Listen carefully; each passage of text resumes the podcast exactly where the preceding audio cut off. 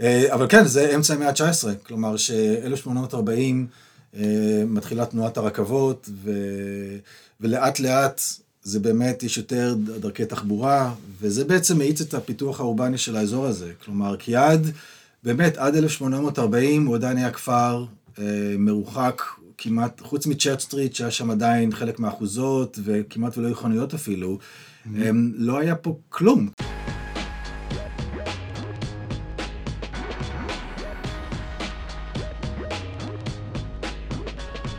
במקביל לבנייה המואצת והמטאורית של אה, אזורים ירוקים, אז פתאום אנשים מבינים שהם הולכים לאבד פה משהו.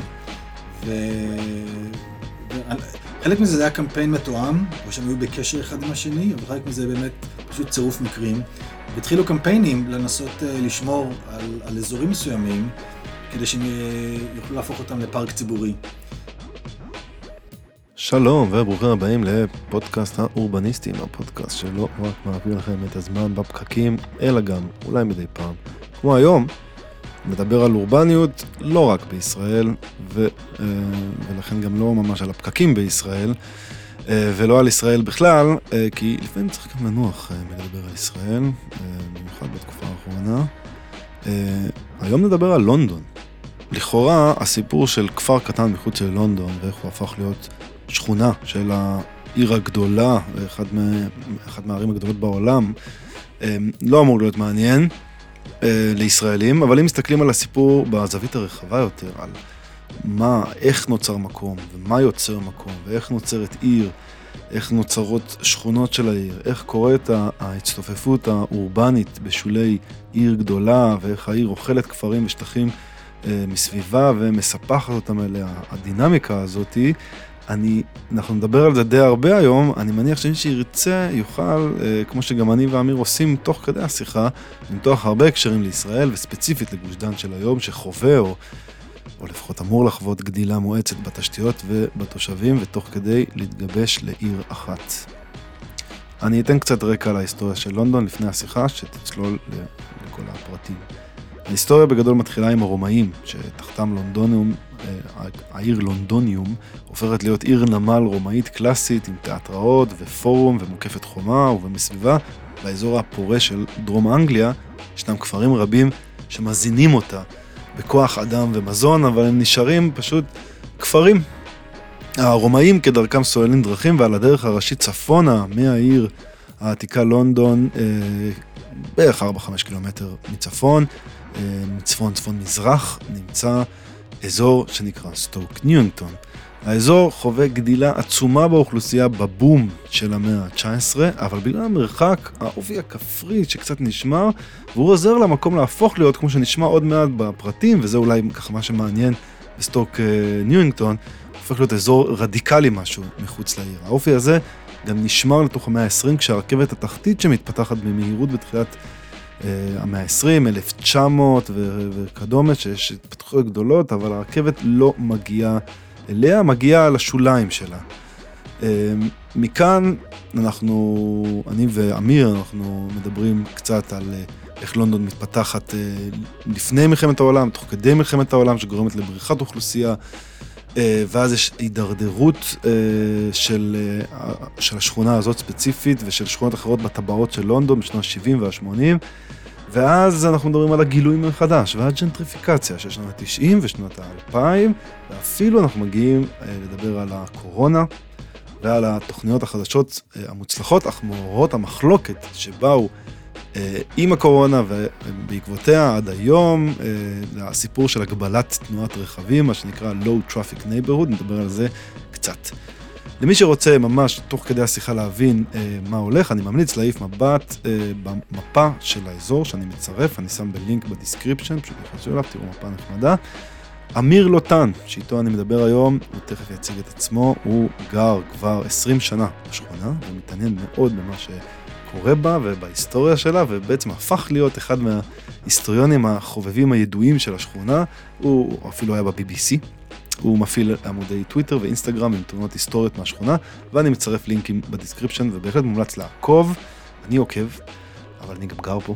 אני מאוד שמח שהוא בא לדבר בפודקאסט, כי אני חושב שתמיד טוב להרחיב את היריעה ולשמוע על עוד מקומות. יש בי גם איזושהי תקווה שהפרק הזה יהיה חלק מסדרה על תכנון עירוני בלונדון, מעוד כמה אספקטים. אני באמת מקווה שזה מה שיקרה. ועכשיו, לשיחה עם אמיר. אז uh, קוראים לי אמיר דותן, אני בן 45 עוד מעט, אני חי בלונדון כמעט 22 שנה. הגעתי לפה ב-2001 לעשות uh, לימודי תואר ראשון במולטימדיה, עיצוב אתרים, ו- ונשארתי. Mm-hmm. Um, אני גר בשכונת סטוק נינגטון בהקני, שזה כאילו, אני מזרח צפון לונדון. Um, אני חי פה כבר כמעט רוב הזמן הזה, כלומר קרוב 20 שנה פלוס. אז זה, כל החוויה הלונדונית שלי מה-20 שנה האחרונות זה רק סטוק ניונגטון, שזאת שכונה לדעתי מאוד מעניינת מבחינה היסטורית, תרבותית, חברתית והכול.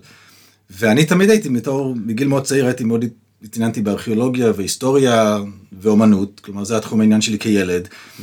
ומבחינת קריירה, אז הלכתי יותר בכיוון של עיצוב גרפי, עיצוב אתרים, וזה מה שאני עושה היום. אני עובד בבנק אמריקאי כמאפיין חוויית משתמש, אני מעצב את כל המערכות הפנימיות, עיצוב מידע וויזואליזציה וכל התחום הזה.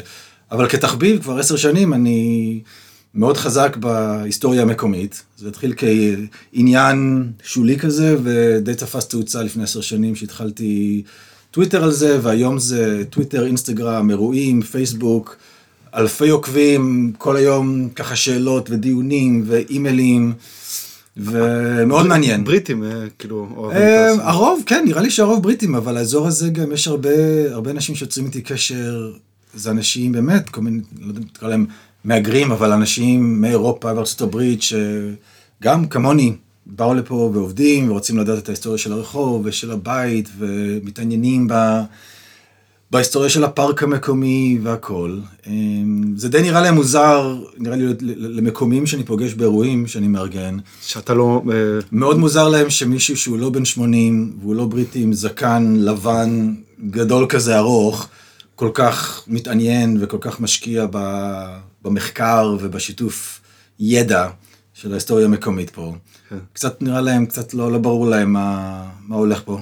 כן. אה, מעניין מאוד, הנה, אז גם, אה, גם אני אה, מתעניין. אז אתה רואה, הנה, בבקשה. אוקיי, אז בוא, אז, והתכנסנו לדבר על, ה, על ההיסטוריה.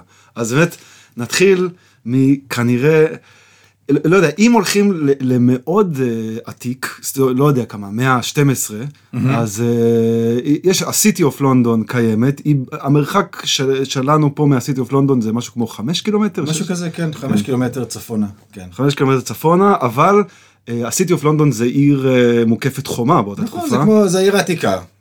אם אתה חושב על זה ככה, אז תחשוב ש...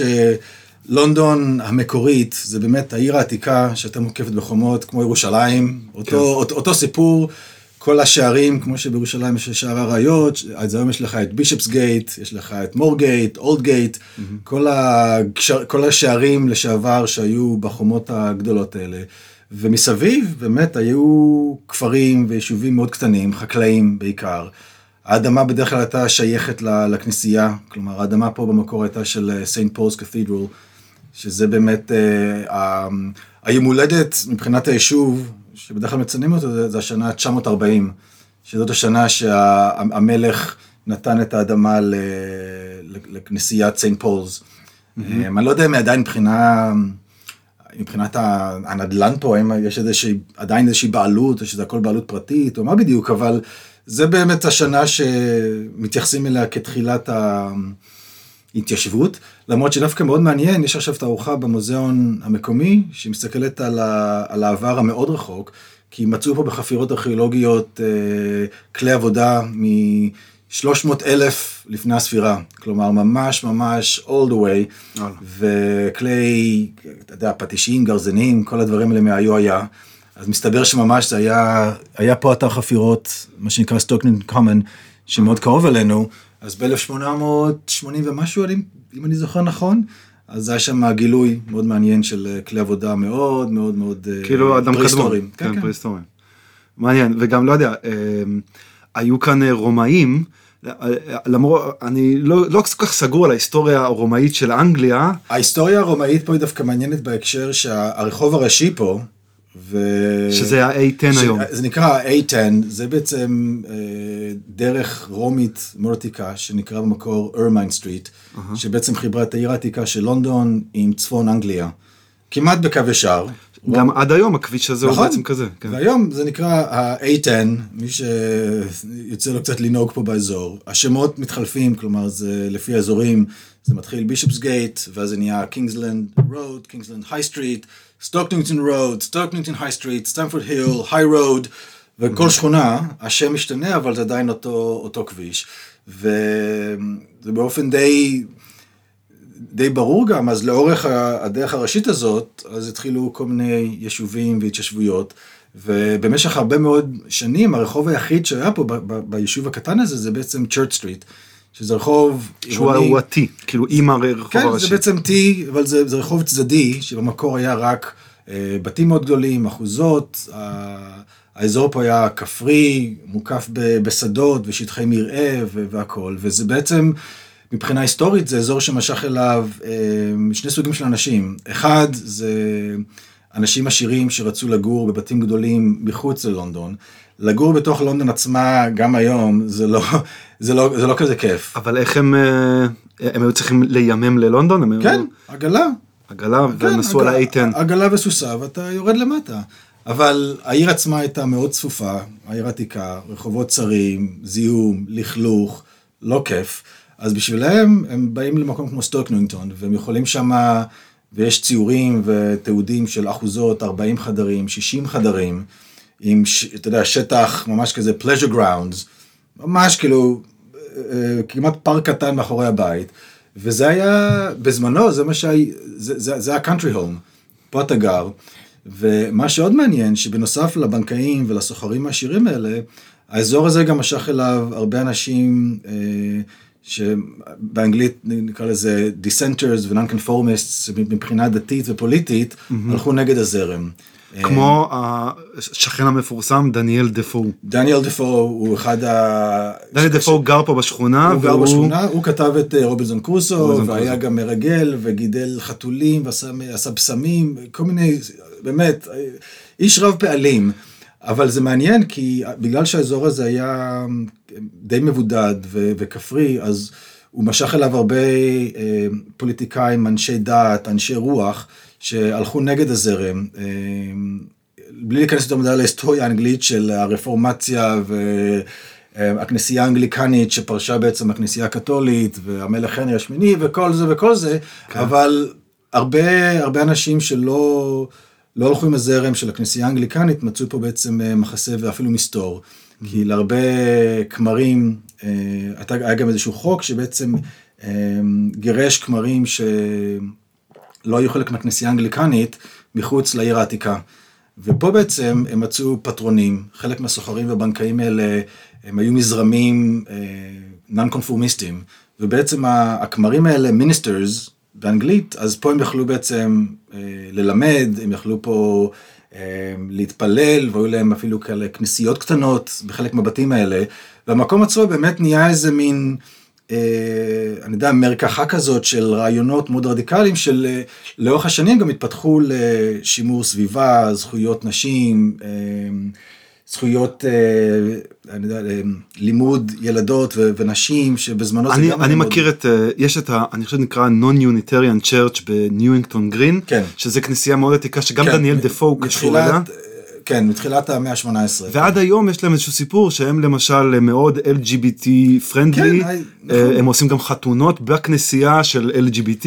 כן, האזור עצמו באמת, מבחינה היסטורית הוא מאוד מעניין, כי כמו שאני אומר, תמיד היה פה את, ה, את הרוח של הליברליזם, אה, progressive, אה, רדיקליזם, תמיד יש משהו באוויר פה, שתמיד משך אליו אנשים שלא לא מצאו את מקומם אולי ב, בחברה, יודע, האנגלית המסורתית. האנגלית המסורתית או הקונבנציונלית.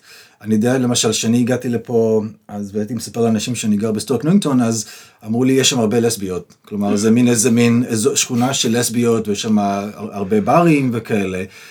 ובראייה היסטורית זה די מעניין כי אתה רואה שלאורך השנים אז באמת כל מיני קבוצות של אנשים שחיפשו מקום שהוא קצת off the grid אחד הביקורות שהאזור הזה תמיד מקבל זה שאין אין טיוב סטיישן. כלומר, הרבה אנשים מתלוננים, נכון. אם הם לא גרים פה, הם מתלוננים שזה סוף העולם. כי אם זה לא על המפה של הטיוב, אז איפה זה בעצם? לוקח שעות להגיע באוטובוס. זה אולי חלק מסוד הקסם של השכונה, שהטיוב לא מגיע לפה. נכון, והרבה אנשים שגרים פה אז תמיד אומרים אם היה פה טיוב אז האזור היה מאבד מהקסם ומה, מהמשיכה שלו כאזור ש... אני יודע בשנות ה-70 וה-80, כשנדבר על אה, השבחה והכל, אז אבל בתקופות ההם למשל הרבה אומנים וכל מיני בוהמיאנים ואנשים שלא יכלו להרשות את השכר דירה או לקנות אפילו באזורים אחרים, אז, אז באו לפה והיו כל ה... אה, בתקופה מסוימת גם היו פה הרבה מפעלים קטנים לייצור פסנתרים וארונות והרבה ביגוד והכל וברגע שהתעשייה באנגליה אה, הידלדלה ודי די אה, נעלמה אז הרבה מהמקומות האלה פתאום נהיו האנגרים לאומנים וגלריות ודברים כאלה. היום זה דירות במיליון וחצי פאונד אה, אבל זה חלק, מה, חלק מהתהליך. אוקיי, אבל בוא נחזור אחורה. אז uh, אנחנו אומרים אזור כפרי, שמתחיל כאילו, אה, יש, לא יודע, צ'רץ' סטריט אתה אומר, זה כן. נהיה אזור עשיר, של זה- אחוזות ודברים כאלה. כן, כן. ואז מ- מגיעים לכאן כמה, אני יודע, ניו ריבר זה מהמאה ה-17, נכון, 1613. שזה בעצם, אה, לונדון הייתה צריכה עוד אה, מים. כן, מים תמיד היה אה, מה שנקרא ככה מצרך נדיר. כן. וזה זה פרויקט הנדסי מאוד מאוד מעניין, כי בעצם זה, זה, זה תעלה ש, שחפרו אותה כדי להביא מי שתייה ללונדון. כן. היא עדיין מספקת בסביבות 10% מהמי שתייה ללונדון כיום. אה, באמת? כן, כן. לא, זה לא ידעתי שזה... וכפרויקט הנדסי, שזה מהרטפורדשייר עד ללונדון. כן, הרטפורדשייר זה בעצם צפון- עוד איזה 20 קילומטר כן, כן, מפה. כן, צפון צפון לונדון, אבל מה שמעניין שמבחינת אה, טופוגרפיה, אה, זה הכל נבנה, שזה הכל זרימה טבעית. נכון, זה נראה כמו... כן, אבל ממש היו צריכים לחשב את זה, כדי שהזרימה תהיה באמת בלי, בלי משאבות ובלי ככה, בלי, אה, יש כל מיני כאלה סכרים ודברים כן. כאלה. אז זה, זה הניו ריבר. הוא היה מגיע במקור עד לאיזלינגטון, שזה כאילו שכונה אחת טיפה יותר דרומה.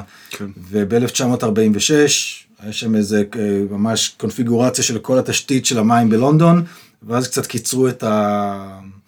את, ה... את המסלול של הניו ריבר, והיום בעצם הוא מסתיים ב- בסטוק ניוינגטון. יש שתי אה, בריכות אה, גדולות, ככה טיפה צפונית, אפשר לראות אותו מהחלון פה בעצם, כן. אה, ושם הוא בעצם מסיים היום. כן. אה, למרות שיש, כאילו, אתה יכול ללכת, יש קטע, הרי יש את הבית קפה שקוראים לו ניו ריבר קפה, ו... אבל הוא כבר לא יורד עד לשם. לא, אומר. לא, לא, לא, לא, בדיוק. יש שני קטעים, אחד זה בפארק המקומי, ויש טיפה יותר דרומה, שמה שהם עשו בעצם, יצרו, זה בעצם, אה, אתה יודע, בריכות, זה שתי בריכות שבעצם נראות כמו, כמו הנהר הקטן הזה. זה במעגל סגור, זה לא כן. קשור לנהר בכלל. אני לפעמים מאכזב אנשים שאני אומר להם, זה כבר לא חלק מהניו ריבר, זה פשוט יצרו איזה מין... מזרקות נחמדות. זה. בר- זה בריכה ככה קטנה כזאת, בצורה של הנהר. דרך אגב, אתה אומר שבלי משאבות, אני יודע שה... מה שאנחנו קוראים לו The Castle, כן. שזה היום מרכז לטיפוס קירות, נכון. שנראה כמו טירה, אבל במקור הוא היה בית זה- משאבות זה היה בית משאבות ה-17. מאוד ענק, שבעצם היה חלק מ...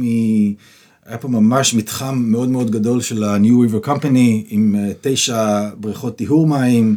הבריכות האלה שעדיין פה, ה-reservoirs, זה בעצם היה, אה, נראה לי כאילו שזה אחרי- מאגר. זה היה, זה היה שתי בריכות מאגר, חלק מזה זה היה נראה לי בגלל המגפת אה, אה, חולרה שהייתה ב-1850, אז היה בעצם צריך צורך ליצור מאגר מים אה, כ... לחמצן אותו, כאילו, כדי כן, לתאר את המים. הבריכות חמצון היו בדיוק פה, היום זה שם רחוב ובנו שם בשנות התשעים, אבל חלק מזה זה היה חמצון וטיהור של המים, וחלק זה פשוט היה מאגר, פשוט לשמור את המים.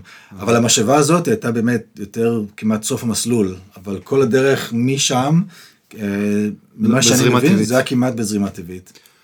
אוקיי, עכשיו זה המאה ה-17, ואז בעצם במאה ה-18 האזור הזה מוצא את עצמו בין שתי מסלולי רכבת מאוד ראשיים. אחד זה המאוד ראשי, ה-East Coast Main Line שיוצא מקינגס קרוס והוא הולך ליורק ואדינברו, זה בעצם הקו של הארי פוטר בגדול, אה, והוא נמצא ממערב עם תחנה מאוד מרכזית בפינסבורי פארק, זו תחנה שהיא בערך קילומטר אה, מפה. ואז יש את הקווי רכבת שהולכים מהסיטי אוף לונדון לנורוויץ', שזה עיר, אה, זה כאילו איסט אנגליה, כן, ש- כן. שזה עיר מאוד אה, חשובה, אני חושב, מבחינה דתית. כן, כן, כן, עיר נחמדה, הרבה קתדרלות, כנסיות, הרבה פאבים, מומלץ לבקר. מי שמגיע ל- לאנגליה, אני בהחלט ממליץ. אה, אבל כן, זה אמצע המאה ה-19, כלומר ש-1840 מתחילה תנועת הרכבות, ו... ולאט לאט זה באמת, יש יותר דרכי תחבורה, וזה בעצם מאיץ את הפיתוח האורבני של האזור הזה. כלומר, כי עד, באמת, עד 1840 הוא עדיין היה כפר אה, מרוחק כמעט, חוץ מצ'רץ' סטריט, שהיה שם עדיין חלק מהאחוזות, וכמעט ולא היו חנויות אפילו, הם, לא היה פה כלום. כלומר, זה די היה מין, כמו איזה מין יישוב קטן. אבל ברגע שהרכבת הגיעה לפה ב-1872, הרכבת, התחנה המקומית, אז זה שזאת אה, סטוק ניוינגטון, סטוק ניוינגטון, שהיא באותו מקום כמו שהיא אה, כן, כן. היום. רק שחבל שאת המבנה עצמו, שהיה מבנה ויקטוריאני נחמד, ב-1975 אז הרסו ובנו שם קופסת זכוכית כזאת. אבל אפשר לדבר, זה, זה באמת, היו ארבע, תח- 400 תחנות רכבת באנגליה שפשוט אה, היו במצב קצת אה, ירוד, אז הביאו, אתה, יש, אה, שכחתי את השם כרגע של המודל, אבל זה מה שנקרא פריפאב, כלומר האיקאה כזה.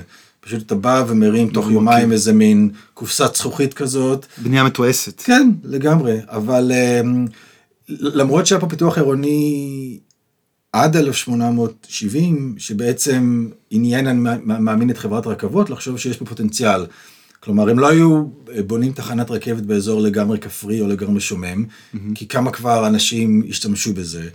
אז עד 1870 כבר הייתה מספיק התעוררות ופיתוח עירוני, שאני מתאר לעצמי שאנשים בחברת הרכבת הזאת, ככה שמו עין ואמרו וואלה, קורה פה משהו, שווה להשקיע פה ושווה לבנות פה תחנת רכבת, וכתוצאה מזה, אז זה באמת האיץ את הבנייה עוד יותר. כי הרבה מה, מהאנשים אה, שבאו לגור פה, זה כבר לא היו הבנקאים והסוחרים שגרו בכל האחוזות, הם כבר עזבו למחוזות מחוץ ללונדון. כי אם עד 1800, בוא נגיד 40, סטוק ניונגטון היה, זה היה, היה יישוב, אפילו לא לקרוא לזה פ- אה, פאתי לונדון, זה היה ממש, בפאתי לונדון זה היה ממש אה, אזור כפרי. אבל אז, אמצע המאה ה-19 זה כבר נהיה ממש חלק מהעיר. אה, כל העשירים פשוט לקחו את אה, חפציהם ועברו ל- לאזור הכפרי הבא, שעדיין לא נגעו בו. והאזורים האלה ב-1930, אז גם פתאום אה, עוד רכבות, עוד שכונות, ואז כל, כל דור וחצי, אנשים עם כסף שרוצים לגור בבית גדול ושקט, בלי שכנים, צריכים לעבור למחוז הבא. כן. אני חושב שמבחינה הזאת, זה מעניין וגם רלוונטי, השיחה הזאת היא אולי לא רלוונטית לרוב האנשים בישראל, מה שאולי כן רלוונטי להבין זה את הדינמיקה שאולי כאן קורית בטווח יחסית איטי, של איך אזור הופך להיות מכפרי לעירוני, בגלל שעיר מתפתחת. אה, כאילו, ומה נכון. הדינמיקה של זה. תראה, זה מעניין, אם לקשר את זה לארץ, אז אני, אני גדלתי בראשון לציון, וכשאני מספר לאנשים פה על השורשים שלי בישראל ומאיפה אני הגעתי, אז אני אומר להם, ראשון, היום זה... זה היה מושבה, חקלאית. זה היה מושבה חקלאית, מצאנו מים, 1882, ובאמת, כן, כלומר, זה היה באמת מקום מאוד קטן, בראשון, אתה יודע, יש את, מי שמכיר, אז יש את מגדל המים בגן העיר, ואתה לומד על ההיסטוריה של המושבה הקטנה הזאת, והיום זה העיר הרביעית בגודלה ב- בישראל. אני יכול להגיד שאני זוכר כילד שבין ראשון לציון לרמת אליהו זה הכל היה חולות ו- ודיונות, והיום, אתה יודע, זה מערב ראשון. כן. אז, ואני מתאר לעצמי שבאותו, בדיוק אותו דבר, מי שחי בסטוק ניונגטון ב-1850, ב-1870, כל השדות וכל השטחי מרעה וכל ה- השטחים הפתוחים שהיו, נעלמו. הדיונו- כמו- נעלמו. כמו- במרחק של דור אחד, במרחק של 30-40 דור אחד. כן, אותו דבר, אני, אני אומר, אני, שנות ה-80, אז את כל הדיונות, היינו נוסעים לסבא וסבתא ברמת אליהו, אז אתה נוסע דרך דיונות. כן. היום אני מספר לאנשים שכן, כל הכיכרות וכל הזה, אז מהבחינה הזאת זה אותו דבר. אמ, וסטוארק נוינגטון באמת נבלעה בתוך, ה, אה, בתוך לונדון שצמחה וגדלה וסיפחה בעצם את כל העיירות והכפרים הקטנים האלה, שהיו קהילות כנסית, אמ, קהילות דתיות במקור, אה, מבחינה מוניציפלית אפילו. זה הכל, הכנסייה, כל כנסייה מקומית. הם לא קראו לעצמם אה, לונדון. לא, ממש לא. ממש ממש לא. כלומר, אתה יודע מת- מתי התחילו לקרוא, כאילו זה רק עם ה... לא יודע, GLC ותחילת המאה ה-20? מבחינה, סטוק ניוינג, כשאתה מסתכל על, מבחינה מוניציפלית אפילו, אז יש לך את, את העיר העתיקה לונדון, ואז יש לך את כל המחוזות מסביב. אז אנחנו מהבחינה הזאת בתוך מידלסקס, שזה זה בעצם המחוז זה הממלכה העתיקה שם. זה המחוז שכן, כלומר שהיה צפונית ל- לעיר העתיקה בלונדון. אז כשאתה רואה כתובות ומכתבים ישנים, אז כתוב סטוק נינגטון מידלסקס. ובעצם ב-1900, אז, אז שם בעצם יצרו את לונדון, בוא נגיד, כמו שאנחנו מכירים אותה היום, פחות או יותר, כי בעצם הפכו את כל היישובים ואת כל הקהילות העתיקות האלה למועצות אזוריות, שבעצם היו מסביב ל- ללונדון העתיקה. הם קראו לזה באנגלית, קוראים לזה Metropolitan Boroughs. כלומר, borough זה בעצם כמו מועצה, מועצה מקומית, מוניציפלית וסו- ו- ו- ו- וככה. או, או רובע, שזה משהו שבאמת שלא כל כך מסתכל. רוב, עליו. אבל זה מועצה מוניציפלית. כאילו זה עומד בפני כן, עצמו. כן, כן. כלומר, כל בורא, כלומר, סטוק נוינגטון, פתאום יש, יש ראש עיר, יש מועצה, יש אה, אנשים, אתה יודע, נבחרים לכהן כחברי מועצה. זה הבניין המועצה הישן שקיים היום על צ'רץ' סטריט. כן. שהוא מאיזה שנה? אל- אלה- הוא נפתח ב-1937. אה, הוא יחסית אה, כן, חדש. אבל היה אחד לפני זה. אה, כן. אבל מה שקרה בעצם, שב-1900, החוק עצמו היה ב-1899, אז, אז בעצם הפכו חלק מהיישובים האלה, שכבר עד אז כבר באמת גדלו ל- לרובעים, שכונות, אורבניים. מחוברים פיזית. מחוברים אה, פיזית גם. כאילו אורבנית ללונדון. אז, אז בעצם הפ- הפכו, וסטוק ניוינגטון, עם עוד קצת שטחים שסיפחו פה ושם, הפכה בעצם למועצה מקומית בפני עצמה. אחת הקטנות ביותר ב- בלונדון אגב. אמ, היה לך גם אז, מי שמכיר את לונדון, אז היה גם מועצה מקומית של אה, סנט פנקרס ופינסברי והולבורן, ומקומות שהיום אתה רק רואה בשלטי רחוב ישנים, שכתוב of holborn או of ו- ו- כי מבחינה הגיונית היה להם יותר קל פשוט להפוך את השטחים האלה שכבר היו די עצמאיים מבחינה מוניציפלית, למועצה מקומית, עם, אתה יודע, תפקידים ושמות וכאלה. ב-1965, שבעצם היה עוד איזה מין רה-ארגון, ויצרו את ה-GLC, כן, שזה ה-Greater London אה, Committee. קומיטי, קאונסל, קאונטי, אחד מהם. קאונטי. כן. אז בעצם מה שקרה, שהמגמה הייתה אמ, לחבר, אה, או נקרא לזה למזג אה, מועצות קטנות, כדי ליצור פחות מועצות, אבל יותר גדולות. כלומר, הם לא רצו שיהיו הרבה מועצות מקומיות קטנות כאלה, וכל אחת עם ראש עיר, וכל אחת... שזה אגב דומה לישראל היום עם, אה, לא יודע, גבעתיים, רמת גן, וגם כן. ראשון לציון, שהיום אז- יכולה להיות כבר חלק מ... כן, אז, אז פשוט סיפחו, אז סטוק ניונגטון סיפחו אותה ביחד עם הקני, שזה היה בעצם המועצה היותר גדולה, במזרח, ועם שורדיץ' בדרום, ובעצם... שהקנה ושורדיץ' היו מין אזורים חקלאיים אה, בפני עצמם פעם כן, פעם. כן, הכל הם כאילו מין כפרים. אה, מבחינה פעם. הזאת האזורים היו די דומים, שורדיץ' היה טיפה יותר אולי תעשייתי, כי זה יותר קרוב ללונדון, אבל זה סיפור מאוד מעניין, כי סטוק ניונגטון במשך אלף שנה, לאזור ולאנשים שגרו פה, הייתה להם זהות מאוד uh, ברורה, הייתה להם תחושת גאווה מאוד, uh, מאוד חזקה מבחינת האזור וההיסטוריה שלו, גם מבחינה דתית, פוליטית, ו... ושזו כנסייה שהרקטור הראשון שלה היה ב-1313, והמחשבה והאקט בעצם של להיות פתאום אה, חלק ממועצה אחרת, אני מכיר אנשים שגדלו אז ועדיין מאוד קשה להם עם זה. שאנחנו פה חלק מהקני. מבחינת זהות, אה, תקרא לזה, לא יודע, זהות מקומית או משהו כזה, זה כמו שפתאום, אני לא יודע, אני לא, זה כבר לא, לא כל כך, אפילו מה שקורה בארץ, אבל אם אתה גדלת בגבעתיים ופתאום ויש לך, אני לא יודע, יספרו אותך לרמת גן. ראש עיר ומועצה, ואתה יודע, ואתה יודע שפה זה בניין העירייה, ויש, אתה יודע, יש איזושהי תחושת גאווה, גאווה מקומית, אני לא יודע איך תקרא לזה, גאוות יחידה כזאת, ופתאום מספחים אותך, ופתאום, אתה יודע, שלטי רחוב, יש פתאום, אתה יודע, מועצה מקומית, רמת גן, או משהו אחר. אה, יש אנשים שקצת אה, מעניין אותי, אתה יודע, קשה להם עם זה. בישראל מדברים הרבה על רשויות מטרופוליניות ואיזשהו Mm. איחוד במיוחד באזור תל אביב ובעיקר אה, הם מתנגדים כאילו. כי אני חושב אפילו נגיד בת ים רצו לספח אותה לתל אביב רק להיות אותה עירייה הם מתנגדים הם לא רוצים למרות שזה יעשה להם טוב תראה, אה, ומעניין אותי אם פה גם היה התנגדות חלק מהטיעונים שאני שמעתי ועדיין שומע זה מאוד מעניין, כי יש את האספקט הפסיכולוגי. כלומר, פשוט מבחינת זהות, אתה, אתה יודע, זה יותר נחמד להיות בשבט יותר קטן. אתה לא תמיד רוצה להיות חלק ממשהו יותר גדול, אתה רוצה שיש את התחושת נוסטלגיה וההיסטוריה והכל. אני גם שמעתי מהרבה אנשים שטוענים שאחרי הסיפוח הזה, אז האזור התחיל להידרדר. כי אם לפני הסיפוח, אז כל הארנונה וכל ההשקעה של, ה, של ה, העירייה של סטוק ניוינגטון הייתה באמת סטוק ניוינגטון, אבל פתאום ברגע שהארנונה וכל המיסים הולכים לעירייה יותר גדולה, אז היא יכולה להחליט שהיא רוצה להשקיע את זה באזור אחר, לאו דווקא באזור שבו אתה גר. היה יותר סיכוי שתראה את ההשקעה מהמיסים ברחוב שבו אתה גר, או בפארק שאתה הולך אליו. שהכסף נשאר באותו אזור. נשאר יותר, כמה זה נכון או לא, אני לא יודע, אבל יש בזה איזשהו היגיון מסוים, כי אנשים הרגישו שאתה בעצם, אתה, אתה תורם לפיתוח ולשגשוג של האזור המאוד קרוב אליך. ברגע שאתה נהיה פתאום חלק מישות יותר גדולה, ומישהי גם אמרה לי, היא, לא יודע אם זה באמת יותר אמוציונלי, אבל היא סיפרה לי שפעם, ואתה אמרת שנגיד בניין העירייה היה פה ברחוב, ה...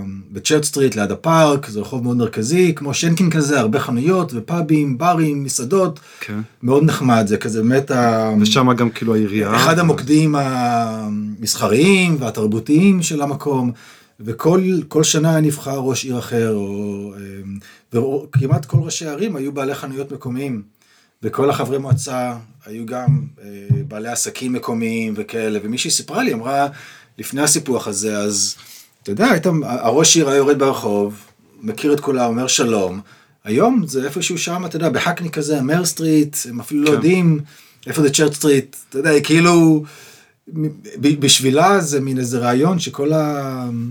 ה... ה- הישות המוניציפלית פתאום וכל הניהול הזה נעשה במקום אחר, שאין לו חיבור בעצם ל... לאזור שבו אתה גר. כן. ו... ואני יכול להבין את זה. כלומר, יש בזה... זה באמת קצת רחוק, הקני, למרות שזה... כן, זה, לא, אבל- יש כאן, הרג, כאילו, הרג, בגלל שזה אזור הליכתי ואתה בעיקר מסתובב פה, אז להגיע להקני זה סיפור קצת. תראה, גם מבחינה היסטורית, הקני תמיד היה, זה המועצה, זה, זה השכונה ליד, זה, זה האזור ליד. אה, במאה ה-19 היה, לא מעט חיכוך מבחינת, אה, היה חיבור של סטוק ניוינגטון והקני מבחינה מוניציפלית כבר אז, אה, משהו שנקרא Hackney Board of Works, שבעצם חיבר את הקהילה של סטוק ניוינגטון ואת הקהילה הרבה יותר גדולה של הקני. מבחינה מוניציפלית, אז אתה יודע, כל התברואה והדברים האלה, אז סטוק ניוינגטון היה אחד מכמה רובעים, תקרא לזה, בתוך הארגון הזה. המספר הנציגים היה מן הסתם הרבה יותר קטן לעומת הקני, והיו הרבה ניסיונות להתנתק מזה, כי רצו, רצו עצמאות, רצו מכל הסיבות שדיברנו עליהן, בין אם זה פסיכולוגי והיסטורי או פשוט פרקטי, הם לא רצו להיות חלק מ... וב-1894 אז הם הצליחו להתנתק מה, מהאיחוד הספציפי הזה. 1900 נהיה, האזור נהיה מועצה מקומית, אז באמת, אתה יודע, וראש עיר, ובנו עירייה, בניין עירייה חדש ב-1937 והכל. אז בשבילהם, אחרי כל ההיסטוריה הזאת, ב-1965, החוק עצמו עבר ב-1963, שעשה את, ה, את הארגון מחדש של כל המועצות בלונדון, זה, זה כן, היה, היה, היה זה מאוד קשה. תגיד, אה, בין, בין, בינינו, סטוק ניוינגטון, לבין הקני, המרכז הקני, יש גם את אה, דלסטון, ש... דלסטון זה יותר, אה, זה, זה שכונה, אבל היא אף פעם לא הייתה קיימת בפני עצמה כ, כישות מוניציפלית או כקהילה דתית. כלומר, יש... זה, זה משהו שנהיה אולי, יש שם הרבה מהגרים, כאילו מהווינדראש, שנות החמישים, כן. שחורים מהקריביים. זה היה אזור, אני, אם אתה מסתכל היסטורית על, על לונדון, אז מזרח לונדון זה תמיד היה האזור היותר עני. אמ, אחת ה, אחד הסיבות לז- לזה גם, שהאיסט אנד תמיד היה אזור יותר עני, כי... כי הארובות נשבו את כן, הזיהום כי- מזרחה. כי תמיד הרוחות נושבות מזרחה, אז כל המחלות וכל הזיהום, אז העשירים גרו במערב, בווסט אנד, והעניים גרו, אתה יודע, באיסט אנד. גם אני יודע שיש איזשהו עניין שבין הסיטי אוף לונדון מזרחה לכיוון, זה איפה שהיה הנמל, כאילו איפה שהיום, כן, כל ה- זה הנמל. כן, ואז זה כן. סוחרים, כאילו בין העיר לזה, יש שם המון מסילות. היו והמון, הרבה, אה, כן, הרבה, אזור נגיד כמו וואפינג למשל, אז היה שם הרבה, אה, תקרא לזה בתי אחסון, וכל האוניות שפרקו אותם, שבאו מכל העולם, והכל. ואגב, אה, שם גם באמת היו, לפחות במאה, אני חושב, ה-18, הרבה יהודים, נכון? זו הקהילה היהודית? הקהילה היהודית שבאמת הגיעה לאיסט אנד, זה יותר אה, תקופת הפוגרומים, אז בוא נגיד, אלה שלא באו לבנות את ראשון, אז הגיעו ל... למקומות כמו ווייט צ'פל ובואו ופופלר ומקומות כאלה. מתי בתחילת המאה ה-20 כבר? לא, לא, לא, 1870, 1880, כל, כל, כל ה- אה, סוף המאה ה-19, אני אומר אותם, באמת, כל הגל של הפוגרומים שמבחינת החלוקה, אז חלק הגיעו לניו יורק, חלק הגיעו ל... אני יודע, לפלסטינה וחלק הגיעו לאנגליה. ואלה שהגיעו, אז הגיעו לאזור הכי זול, הכי צפוף, הכי הומה.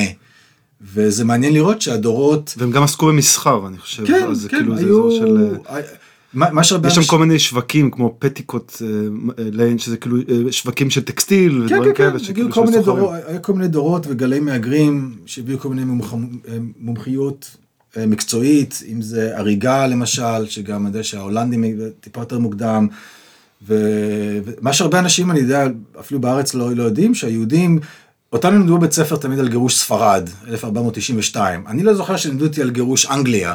שגירשו גם שהמלך, מפה. המלך אדוארד הראשון, אם אני לא טועה, זה היה ב-1200, משהו כזה, נראה לי 1200, הוא לווה הרבה כסף מיהודים בשביל להילחם בוולשים, ומתי שהיה צריך להחזיר את הכסף, הוא החליט, אני לא מחזיר את הכסף, אני שואל לגרש אותם. והיה גירוש של כל היהודים מאנגליה. זה 1500. אה, זה, אם תעשה גיגול מהיר על המלך, על, uh, המלך אדוארד הראשון, לדעתי זה 1200, זה היה איזה 400 שנה עד, ה, עד השלטון של אוליבר קרומוול, שבעצם uh, היה באמת uh, כל המלחמה, מלחמת ה... לא זוכר איך קוראים כן. לזה, שבעצם אה, ל- לגרש את המלך, ואוליבר קרומוול באמת הרשה ליהודים לחזור לאנגליה. אמ, ובאמת הב- הבית כנסת הוא בסיטי אוף לונדון הכי עתיק באנגליה, הוא מהתקופה הזאת, שבעצם... זה אה, הבית כנסת שמתחת לגרקין. כן, כן, הייתי בו. שקרוב שם, כן, כן, כן. אה, אז... אבל זה קוראים לו. ביביס אה, בוויס מרקס, בוויס מרקס. כן. אז זה... שהוא מהמאה ה-17 אני חושב. כן, כן, כן. אבל תגיד, אז יהודים לא באים לפה? אה, לסטוק ניונגטון וזה, אה, זה לא פה. ה- כי היום אנחנו יושבים היום, בשכונה. אנחנו בשכונה היום, על- בפאתי שכונה, או בתוך שכונה מאוד אה, חרדית, אולטרה חרדית. אה, אבל זה סיפור הרבה יותר מאוחר. זה סיפור יותר מאוחר, כלומר, היה, היה גל, הגל ראשון היה של אה, יהודים שבאו, שהתחילו להתקדם מהאיסט לכיוון סטוק נינגטון, שהיה אזור יותר ירוק, יותר, אה, פחות מזוהם, פחות צפוף, טיפה יותר... היהודים עושים איזושהי נדידה כן, כן, ממזרח אחרי לונדון, לא, לא, בדיוק. נודדים צפונה, צפונה צפונה, בדיוק. והם גם, הם יותר צפונה מפה. וזה אחר כך, בדיוק. כן. אז אה, מה שקרה שמכל מיני סיבות, ויש אחת דווקא מעניינת שאני אדבר עליה עוד מעט, אז הייתה בעצם אה, תנועה מהאיסט אנד, שהיה הרבה יותר תעשייתי, הרבה יותר מזוהם, הרבה יותר צפוף, לסטוק ניוינגטון שהיה הרבה יותר אורבני, עצים, רחובות נחמדים, ו... ו או שזה מבחינת עצמאות כלכלית ויכולת לעבור למקום שהוא טיפה יותר טוב, יותר נקי. אמ, אבל מה שהיה גם, אה, הייתה יוזמה מאוד מעניינת, הייתה חברה שנקראת אה, The 4% Company, שזו חברה של אה, פילנטרופים יהודים, אחד מהם היה רוטשילד, או אחד מהרוטשילדים, שהם בעצם בנו פרויקטים של דיור מסובסד ליהודים, והם בנו בסטוק ניוינגטון את קורוניישן אבניו, שזה ברחוב הראשי ליד המשטרה ב-1903, והם בנו עוד מבנה בעוד איזה מין, באמת ככה, מתחם כזה די גדול בדלסטון. אמ, ואתה רואה בה, יש לי את הפוסטרים שהם תלו באיסט אנד וכתבו קרוב לבתי כנסת, קרוב לשטחים פתוחים, קרוב לרכבת, בואו בואו. וזה באמת היה מבחינת ה... היזמות הזאת והרצון לעזור לאחים שתקועים באיסט אנד, ב slums, להגיד להם בואו לסטוק ניוינגטון, יש פה... כיף פה. כיף, יש, יש בתי כנסת, ו- ו- וזה בעצם מה שעודד אה, חלק מהנהירה הזאת, כי זה באמת היה מסובסד והכל. ובתקופה ההיא, אבל הר- הרבה מהיהודים שגרו פה היו בעלי חנויות, זה לא היה חרדים. אה, אחד הפרויקטים שאני עושה כרגע כחלק מההיסטוריה המקומית שלי זה תיעוד מזוזות על בתים, אבל בשכונות שאני יודע שזה, חלק מהם אתה רואה שזה מזוזות שכבר צבעו עליהם. כלומר, אתה רואה ממש כמה שכבות של צבע, ואתה רואה... השאירו אותם. השאירו אותם, אז אתה רואה את המזוזה ככה, אני, אני, אני רואה את זה, אנשים אחרים בטח לא מזהים אפילו מה זה, אבל יש מאוד מאוד, אה, מאוד מעט באזור איפה שאני ככה דרומית לצ'רט סטריט, איפה שאנחנו פה היום, יש קהילה מאוד מאוד גדולה של אה, חרדים, כל מיני זרמים, כן. אבל הם הגיעו, חלק מהם אני אומר, זה או בסוף המאה ה-19, או אה, לפני השואה ואחרי השואה. ובאמת התיישבו פה, והיום יש פה קהילה, לדעתי זו אחת הקהילות הכי גדולות באנגליה, סטמפורד היל אם- וסטוקהולם. שזה גם כאילו אה, אולי הקהילה הכי גדולה בעולם מחוץ לישראל וארצות הברית. משהו כזה, כן, כן, כן, כן. כן.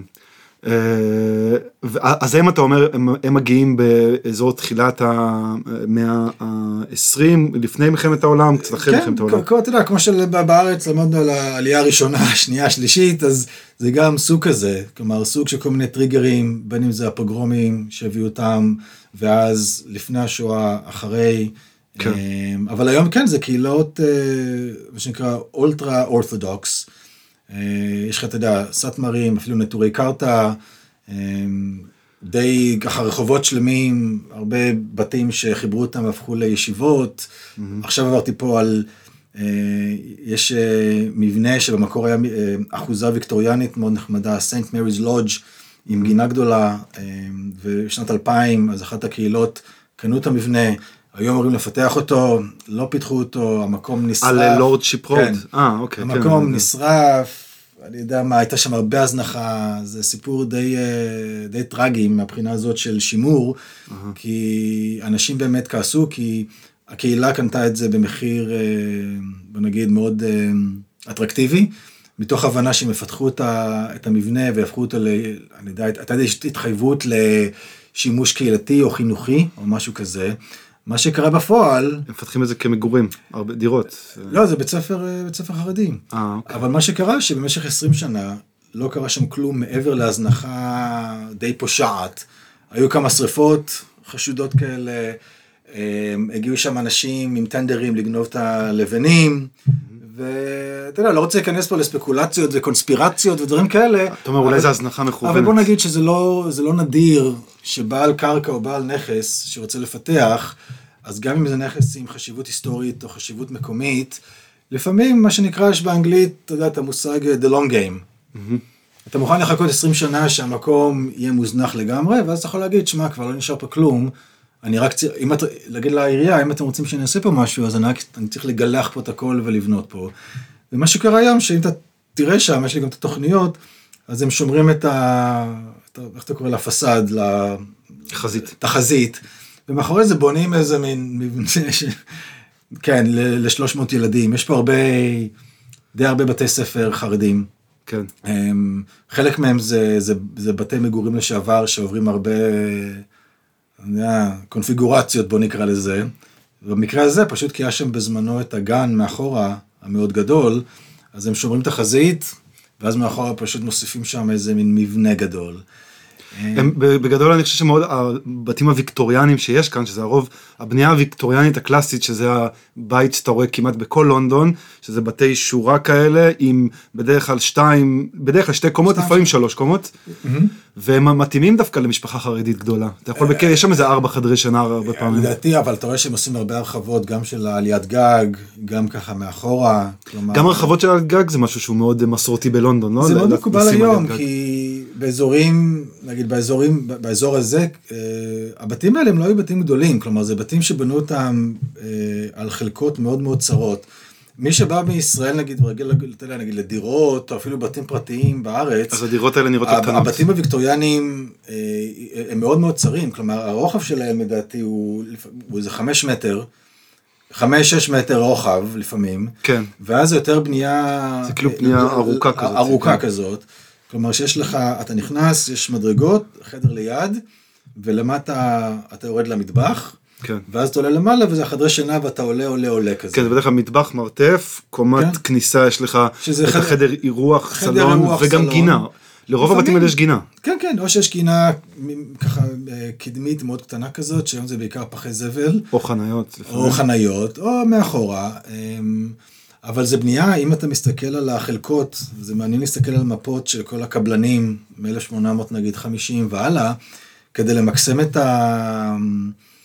אני- את הרווח על, ה... על השכירות והחכירה של האדמות האלה, אז אם נותנים לך שטח X, אז אתה מנסה לדחוס כמה שיותר. כן. ומה שמעניין שהאזור דרומית לצ'רץ' סטריט, זה היו אדמות בבעלות פרטית, והרבה יותר אדמות או חלקות אה, קטנות. והבנייה שם היא בנייה הרבה, יותר- הרבה יותר צפופה לעומת הרחובות איפה שאנחנו פה עכשיו. Mm. כי כל האדמה הצפונית לצ'רץ' סטריט הייתה בבעלות של הכנסייה, והבנייה שם הייתה הרבה יותר אה, מבוקרת, והיה שם פחות אה, עניין, ל... אם, אם אתה מסתכל גם על גודל הבתים וגם על רוחב ה- הכבישים והרחובות, הם יותר רחבים.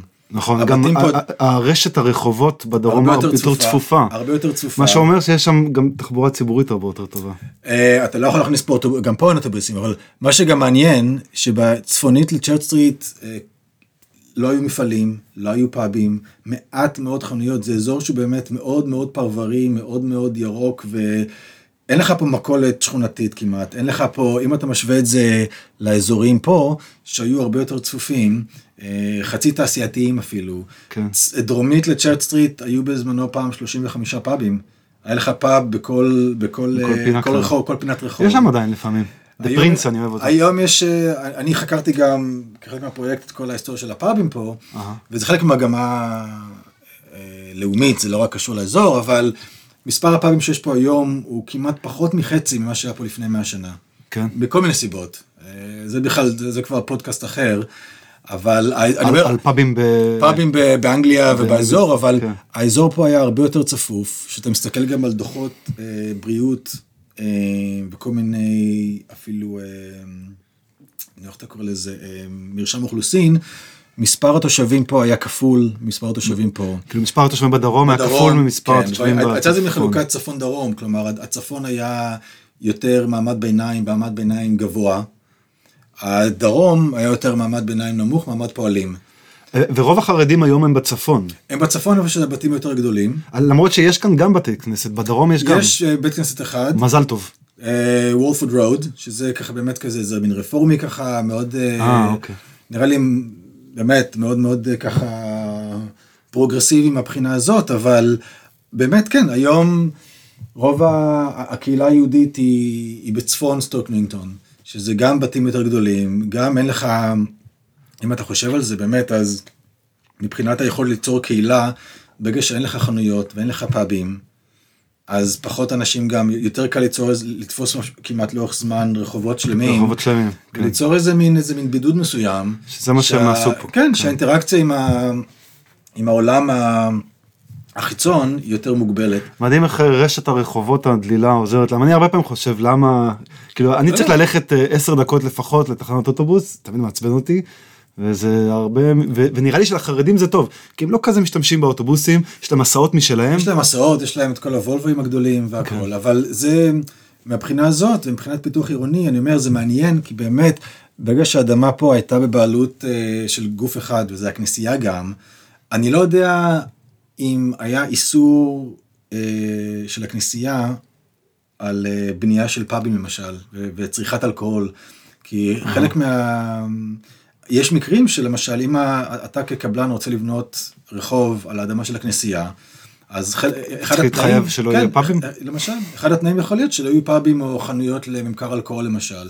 ומה שקורה זה שהאוכלוסייה שמגיעה לאזור הזה פתאום זו אוכלוסייה באמת יותר שמרנית. מבוססת.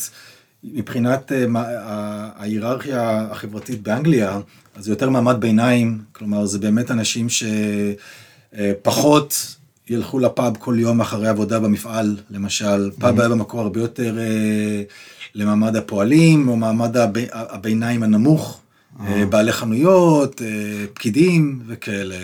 אז זה בעצם יצר אזור שהוא באמת מאוד אה, פרברי, אולי קצת, אנשים אולי יגידו קצת משעמם, אבל מאוד שקט. כל, ה, כל החנויות וכל ה, הבאז בעצם הוא בדרום. הוא בדרום. כן. היום קצת פחות, כי באמת כל התעשייה נעלמה. כל ה... פעם היו ברחובות האלה הרבה יותר אה, שורות של חנויות, שהיום גם נעלמו בכלל, שזה גם מגמה לאומית, אה, ההידרדרות של המסחר ברחוב. כן, שסופרמרקטים ומכוניות, אז אנשים נוסעים לקנות אוכל, אתה כבר לא קופץ לקצב המקומי ול... למרות, טוב, אני לא יודע אם נגיע לזה יותר, אה, או שזה מתישהו, אבל אה, יש אה, גם איזושהי התעוררות, אני חושב, של ה high street. זה מעניין, יש ג'נטריפיקציה לאחרונה. זה מעניין בהקשר של גם הפוסט מגפה, גם מבחינת תכנון עירוני של מה שהעירייה, גם של לונדון וגם העירייה המקומית של הקני. של הקני מנסה לדחוף, אה, כל הנושא של ה-15 minute city, ו... כן, לדחוף הליכתיות ורכיבת אופניים. בדיוק, ולעודד לעודד אנשים. רגע, אבל לפני שנגיע כן. לזה, אני רוצה, אני רוצה, לא, אנחנו, בכיף. אנחנו נגיע לזה, אבל אני רוצה לחזור רגע אחורה, אני רוצה לדבר על כמה landmarks אה, פה. אה, הקליסולד, שאתה מכיר, זה הפארק שלנו, הפארק המקומי. וה, והכנסייה שלידו, שהיא כאילו גם כנסייה מפורסמת. כן. אוקיי, אה, אז אה, קליסולד, קליסולד הוא בקצה מה שאנחנו קוראים לו הצ'רץ' סטריט. נכון. אה, והוא הוא מתחבר, כאילו, הוא, הוא, הוא כאן על כמה, כי יש גם את הדרך הגרין ליינס, שהיא בחלקה, גרין ליינס, אני חושב שהיא חצי, בחלקה, זה חצי, החצי המזרחי הוא בסטוק ניוינגטון או הקני, החלק המערבי הוא באיזלינגטון, שזה בעצם המועצה ליד. ושם זה, כאילו, ואז מתחילה שם איזושהי גבעה שזה הייבורי. במערב. כן, הייברי זה כבר הלאה, וכן, אתה כבר אה, מתחיל יותר מערבה. אבל קליסולד פארק זה סיפור מאוד מאוד מעניין, בעיקר למי שמתעניין בשטחים פתוחים ופיתוח עירוני בהקשר של אה, שטחים ציבוריים, ירוקים והכל. כי מה שקרה מבחינת ההתפתחות העירונית, אז כמו שתיארתי, הרבה, הייתה נהירה של קבלנים ובנאים בעצם לבנות על כל השטחים הפתוחים האלה, בכל ה... מה שפעם היה כפרים ויישובים. וחקלאות. וחקלאות, והיה לזה הרבה ביקוש. ו... והלונדונים, או חלקם, פתאום התחילו להבין שהם מאבדים פה משהו. אה, עם המהפכה התעשייתית, וקח בחשבון שבזמנו אז כל בית היה, החימום היה בפחם, אז היה הרבה זיהום. כן. אנשים לא, לא, לא, לא קולטים את זה, אבל באמת היה הרבה אובך, ומבחינת ה... זה, זה לא היה נחמד כמו שזה היום, מבחינת השמיים, וכל ערובה פולטת לך את כל ה... כן. וזה היה כמה המצב, רק לונדון מתחילה, ל- כן, כן, כן. ה-Clean Air Act היה ב-1956 או 55, כן. אה, וזה סיפור גם על יותר זיהום סביבתי, אבל הנקודה היא שהתחילה מגמה בלונדון אה, שנקראה אחר כך ה-Open Spaces Movement, שלונדונים... זה סוף המאה ה-19. לא, לא, לא, אמצע המאה ה-19. אמצע המאה ה-19. אמצע המאה ה-19. 1800, אה, כאילו 1800. בתקופה של ה- כן, כן, של של- של במקביל, האורבניזציה המאוד. מהירה. במקביל לב- לבנייה המואצת והמטאורית של אה, אזורים ירוקים, אז פתאום אנשים מבינים שהם הולכים לאבד פה משהו. וחלק מזה זה היה קמפיין מתואם, או שהם היו בקשר אחד עם השני, אבל חלק מזה באמת פשוט צירוף מקרים. והתחילו קמפיינים לנסות אה, לשמור על, על אזורים מסוימים, כדי שהם אה, יוכלו להפוך אותם לפארק ציבורי. וקליסולד פארק היה בעצם שטח אחד של אחוזה אחת, שהאחוזה נבנתה ב-1790 על ידי אחד הסוחרים המקומיים, עם אדמה מאוד מאוד גדולה, אחר כך מישהו שקנה את הבית הוסיף עוד אדמה, וזה בעצם, זה, זה פארק שבמקור היה אדמה פרטית, פשוט באמת עם ה-New River שעובד באמצע והכל, אמ, ותוך כדי כל הבנייה שהתרחשה בעצם, זה היה המקום האחרון שנותר, מה שנקרא untouched, שנותר בעצם ירוק. וב-1886 בעצם הייתה סכנה מאוד מאוד ממשית שהבעלים של האדמה ימכרו את האדמה לבנאים, קבלנים ואיך שתקרא לזה.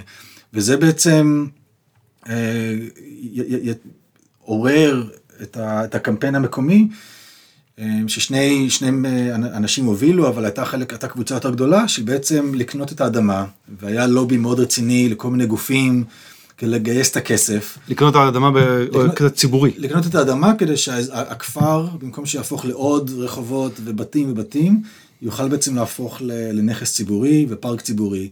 ואני חקרתי את כל הקמפיין דרך המכתבים והכתבות בעיתונים, וזה מאוד מעניין כי הרבה מה, מהטיעונים שלהם התבססו על אה, בריאות, על בריאות נפש אפילו, הרבה דיבורים על אה, recreation, relaxation, בעיקר לאנשים גם מבחינת מעמד, אז הרעיון שזה מקום שכל אחד מוזמן אליו, שזה מקום שילדים יכולים לשחק בו. זה קצת כזה היווצרות אה, מעמד הביניים באותה תקופה. היה פה בעיקר מעמד ביניים, אבל האנשים שהיו חלק מהקמפיין, הם, הם, הם, הם הרבה מהם היו בעלי עסקים, והם, הם, הם, היה, להם, היה להם שני טיעונים עיקריים, אחד זה הבריאות, אה, בריאות ציבורית, כי הם הבינו שצריך מקום שאין בו את כל האובך והעשן, וצריך מקום שאתה יכול, אם כותבים, אתה יודע, לשים את הראש מתחת לעץ.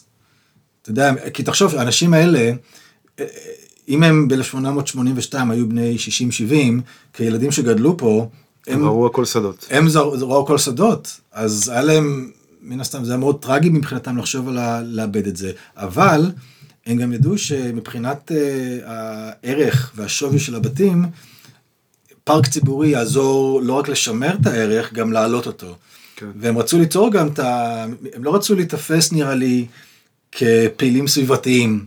אתה יודע, הם לא רצו רק להיות מחבקי עצים, שרק, שהטיעון המרכזי שלהם זה רק אתה יודע, אוויר ושטח פתוח. אלא הם גם רצו כאילו להגיד שזה כן, טוב פיננסית. הם אמרו פיננסית לביזנס, כן, הם אמרו, זה הערך של השכונה יעלה אם יהיה לנו פארק, והם צדקו. כן.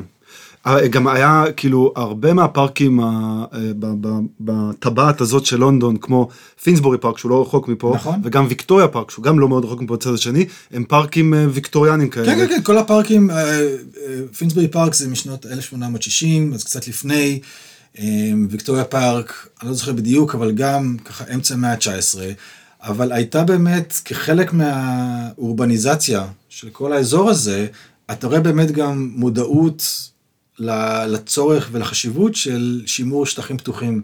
ולונדון היום היא מאוד, כלומר, אם אתה עושה גם zoom out, מישהו פעם אמר לי, אני לא יודע אם זה באמת אה, נכון מבחינת האחוז, ש-40% מלונדון זה שטח ירוק, כלומר מגינה קטנה עד לפארק גדול. כלומר, זה לא רק הייד פארק וריג'נטס פארק וסיינט ג'יימס פארק, זה גם כל הפארקים האורבניים האלה. הקטנים, כן. אבל זה משהו שאנשים כמו, במקרה שלנו, קליסולד פארק, זה אנשים כמו ג'וסף בק וג'ון רונטס, שהיו מקומיים ופעילים אה, פוליטיים פה במועצה המקומית אז, mm-hmm. אה, שהיה להם מאוד מאוד חשוב, ויש להם היום בפארק, יש כזה אה, אה, מזרקת שתייה, ככה שבנו לכבודם, ו... אני, אני עבדתי או יזמתי עם, המשפחה, עם המשפחות שלהם ועוד כמה גופים לשים כזה שלט על, על האתר איפה שהבית של אחד מהם היה. כלומר, לציין לפחות שבבית שעמד פה גר ג'וסף בק, שבעצם הנהיג את הקמפיין לשימור הפארק. כי היום יש לך שלושה מיליון איש, פחות או יותר, שמבקרים בפארק הזה, ורובם, אם לא כמעט כולם, אין להם מושג, כלומר, אתה לוקח את זה כמובן מאליו שיש פארק, כן. אבל בתור מישהו שקרא את כל הכתבות והמכתבים, ו, ובאמת בנה ציר זמן של הגיוס כספים, וכל ה, כל המכשולים, וכל ה, ה, הבעלים של, ה, של הפארק רצה מהם 96 אלף פאונד כמחיר, שהיום זה סביבות 13 מיליון פאונד, שזה גם לא הרבה, לפארק. ומה שקרה זה שהיה לזה גם ריבית, ובסוף הם הצליחו איכשהו... לגייס את הכסף מכל מיני גופים, אבל נשאר להם, הם היו חייבים 5,000 פאונד ריבית שלא היה להם. כי הם השקיעו שנתיים בלגייס את ה-96, ולא להם את הריבית. Mm-hmm. וג'ון רנץ, אחד מהשניים, אני תמיד חושב עליהם בתור הלנון מקארטני של הקמפיין הזה, הוא היה באמת מאוד ככה מחובר, והוא הצליח ככה לשכנע אותם לוותר על הריבית הזאת. אבל כשאני מעביר הרצאות על הסיפור הזה, ואני אומר, אם, אם הוא לא היה מצליח, או אם אומרים לו, לא, 5,000 פאונד זה הריבית, אחרי שנתיים. הייתה, היה נעלם לנו הפארק. לא היה פארק כזה, בוודאות כן. לא היה את הפארק הזה.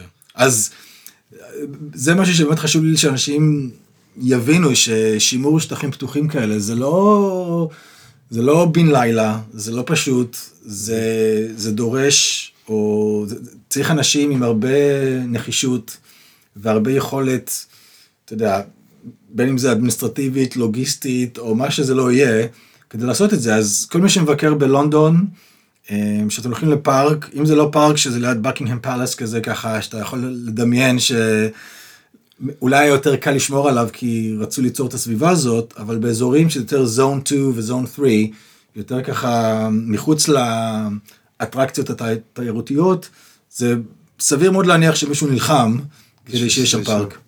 מעניין. ותגיד, אה, שטח כמעט שווה בגודלו, קצת יותר קטן, זה הבית קברות שלנו. נכון, אה, אה, אבני... אה, אבני פארק. אבני פארק או אבני cemetery. אבני פארק cemetery במקור, כן. אהה. אוקיי, ואגב, מבחינת מיקום הוא קצת מוזר, ולי הוא תמיד מפריע, כי הוא מפריע לי ללכת, כי הוא מוקף בגדר, כי אי אפשר, יש לה רק שני כניסות מצד כן. אחד, והוא גם קרוב מאוד לתחנת רכבת, לסטוק ניונגטון railway station, שזה גם כאילו קצת אה, פיתוח אה, מוזר לשים אה, מין, זה, אמנם זה ירוק, אבל זה כן מוקף בגדר, ו... זה, תראה, למי ש...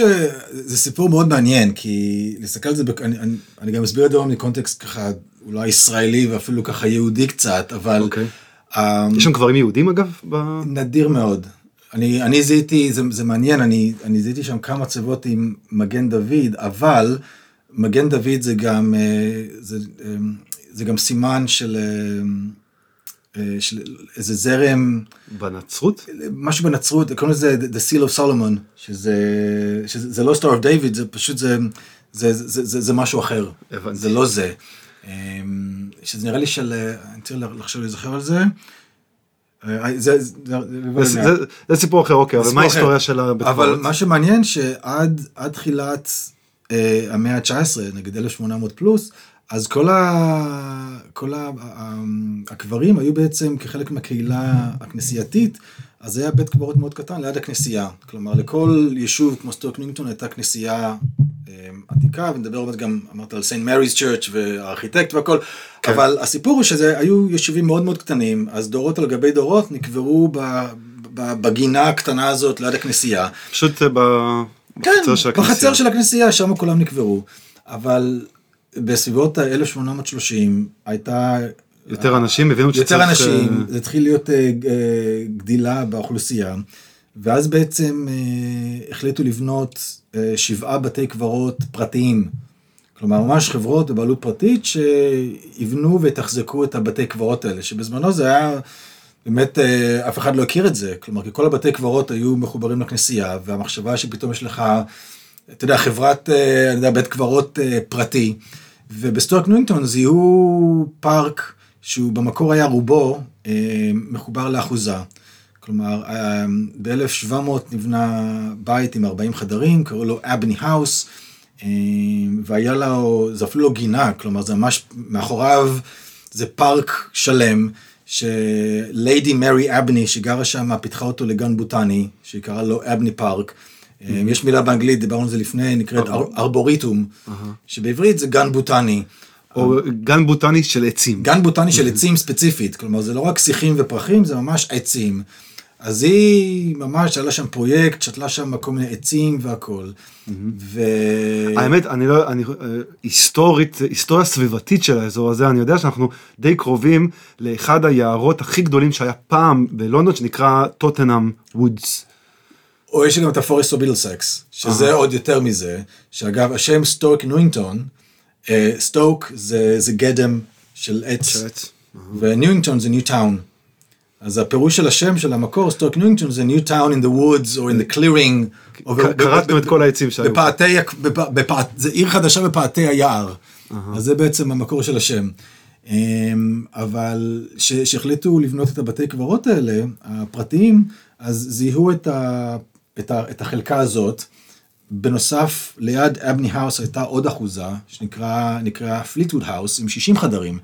והגינה שלה מאחורה הייתה לא גדולה כמו אבני האוס, אבל הייתה ממש ליד.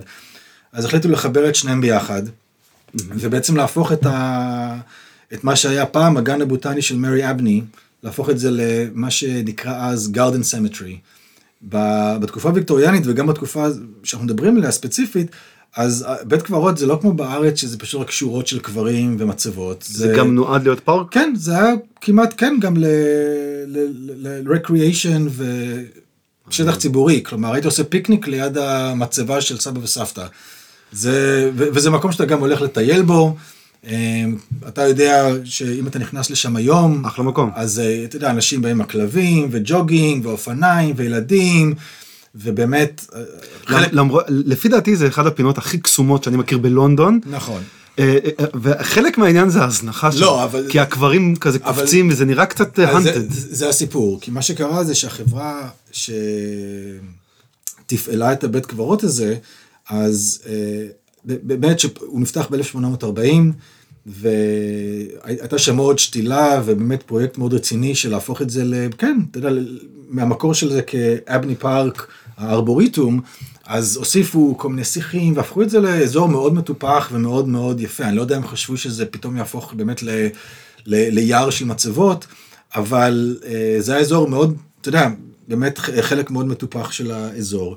מה שקרה זה שב-1975 החברה שתחזקה, באמת היה בבעלותה, פשטה את הרגל. ובעצם סגרו את השער, ובמשך 20 שנה, באמת, 20-25 שנה, אף אחד לא גינן, לא תחזק שם כלום. ואז פשוט הכל צמח פרק. והכל צמח, מן הסתם האדמה מאוד פוריה. אנשים בשוק שאני אומר להם שקבורים שם 200 אלף איש, ב-60 אלף קברים, זה קברים משפחתיים, אז קוברים בקומות, זה לא כמו, לא כמו בארץ, אז האדמה מאוד פוריה.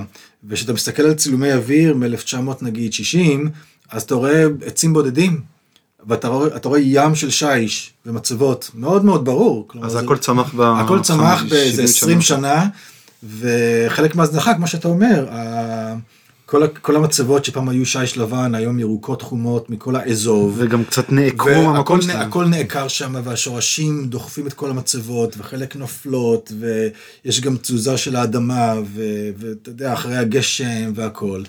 וזה יצר אה, משהו מאוד ייחודי לדעתי, ומאוד קסום, שזה בעצם כן. היום זה שכונת טבע. אה, שכונת שמורת טבע, סליחה. שמורת טבע. אתה רואה ש-20 שנה באנגליה, מה קורה? זה, זה שמורת טבע, אמ, זה מקום מאוד קסום, כי באמת אתה נכנס ואתה רק שומע ציפורים. העצים יוצרים צל, ובאמת תחושת... רק צריך לפתוח כניסה מהכיוון מהצפון, שאפשר יהיה לעבור. חשבו, זה לא יסתדר, אני נושא אחר. כן? אבל אמ, מי שבא לשם לבקר, יש שם תחושת דיסאוריינטציה מאוד אה, חיובית, נכון. לדעתי. כלומר, אתה מאוד קל שם לאיבוד, אבל בקטע טוב. כלומר, הרבה שבילים קטנים כאלה, והעצים, ואתה קורא את השמות. פתאום אתה, אתה, אתה מוצא שאתה בעצם עומד על מצבה. נכון, אז אה, תראה, זה מאוד... לאנשים שבאים נגיד מהארץ, אם אתה נגיד מזמין נגיד משפחה או חברים, ואתה לוקח אותם לסיבוב עם הכוס קפה, ואתה אומר להם בוא נלך לבית קברות, אז זה יוצר איזו מין רתיעה די מובנת, כלומר, מבחינה תרבותית ודתית, אה, זה אולי בעיה, כי בארץ יש עכשיו בעיה עם בתי קברות, עכשיו החרדים לא מסכימים אה, יותר לקבור אפילו לא בקומות, הם רוצים שזה יהיה זכות בסיסית לכל אחד להיקבר במצבה על הקרקע, ו... אבל יש גם באמת, היהודים נראה לי לא, בתי קברות לא יכולים להיות זה פארק. כי אם בתי קברות יכלו להיות פארק, mm. סבא וסבתא שלי בחיפה קבורים בבית קברות מאוד יפה בחיפה, אחלה מקום, חבל שזה לא פארק, יש שם נוף לים. תראה, יש רק הייגייט cemetery, איפה שקרל מרקס קבור למשל, שמן הסתם זה הרבה יותר מטופח. זה יותר כאילו, מטופח. בדיוק, אבל הרעיון הוא... וזה גם בכניסה עולה כסף. אבל הרעיון הוא שאם אתה הולך ל... אם אתה פותח ספר תיירים על, על לונדון, יגידו תקפצו להייגט cemetery, לסיבוב, בספסלים ותשבו. אתה לא תמצא על ספר תיירות בישראל, תקפצו לבית הקברות הישן בשיכון המזרח בראשון. כלומר, זה לא יעד תיירותי.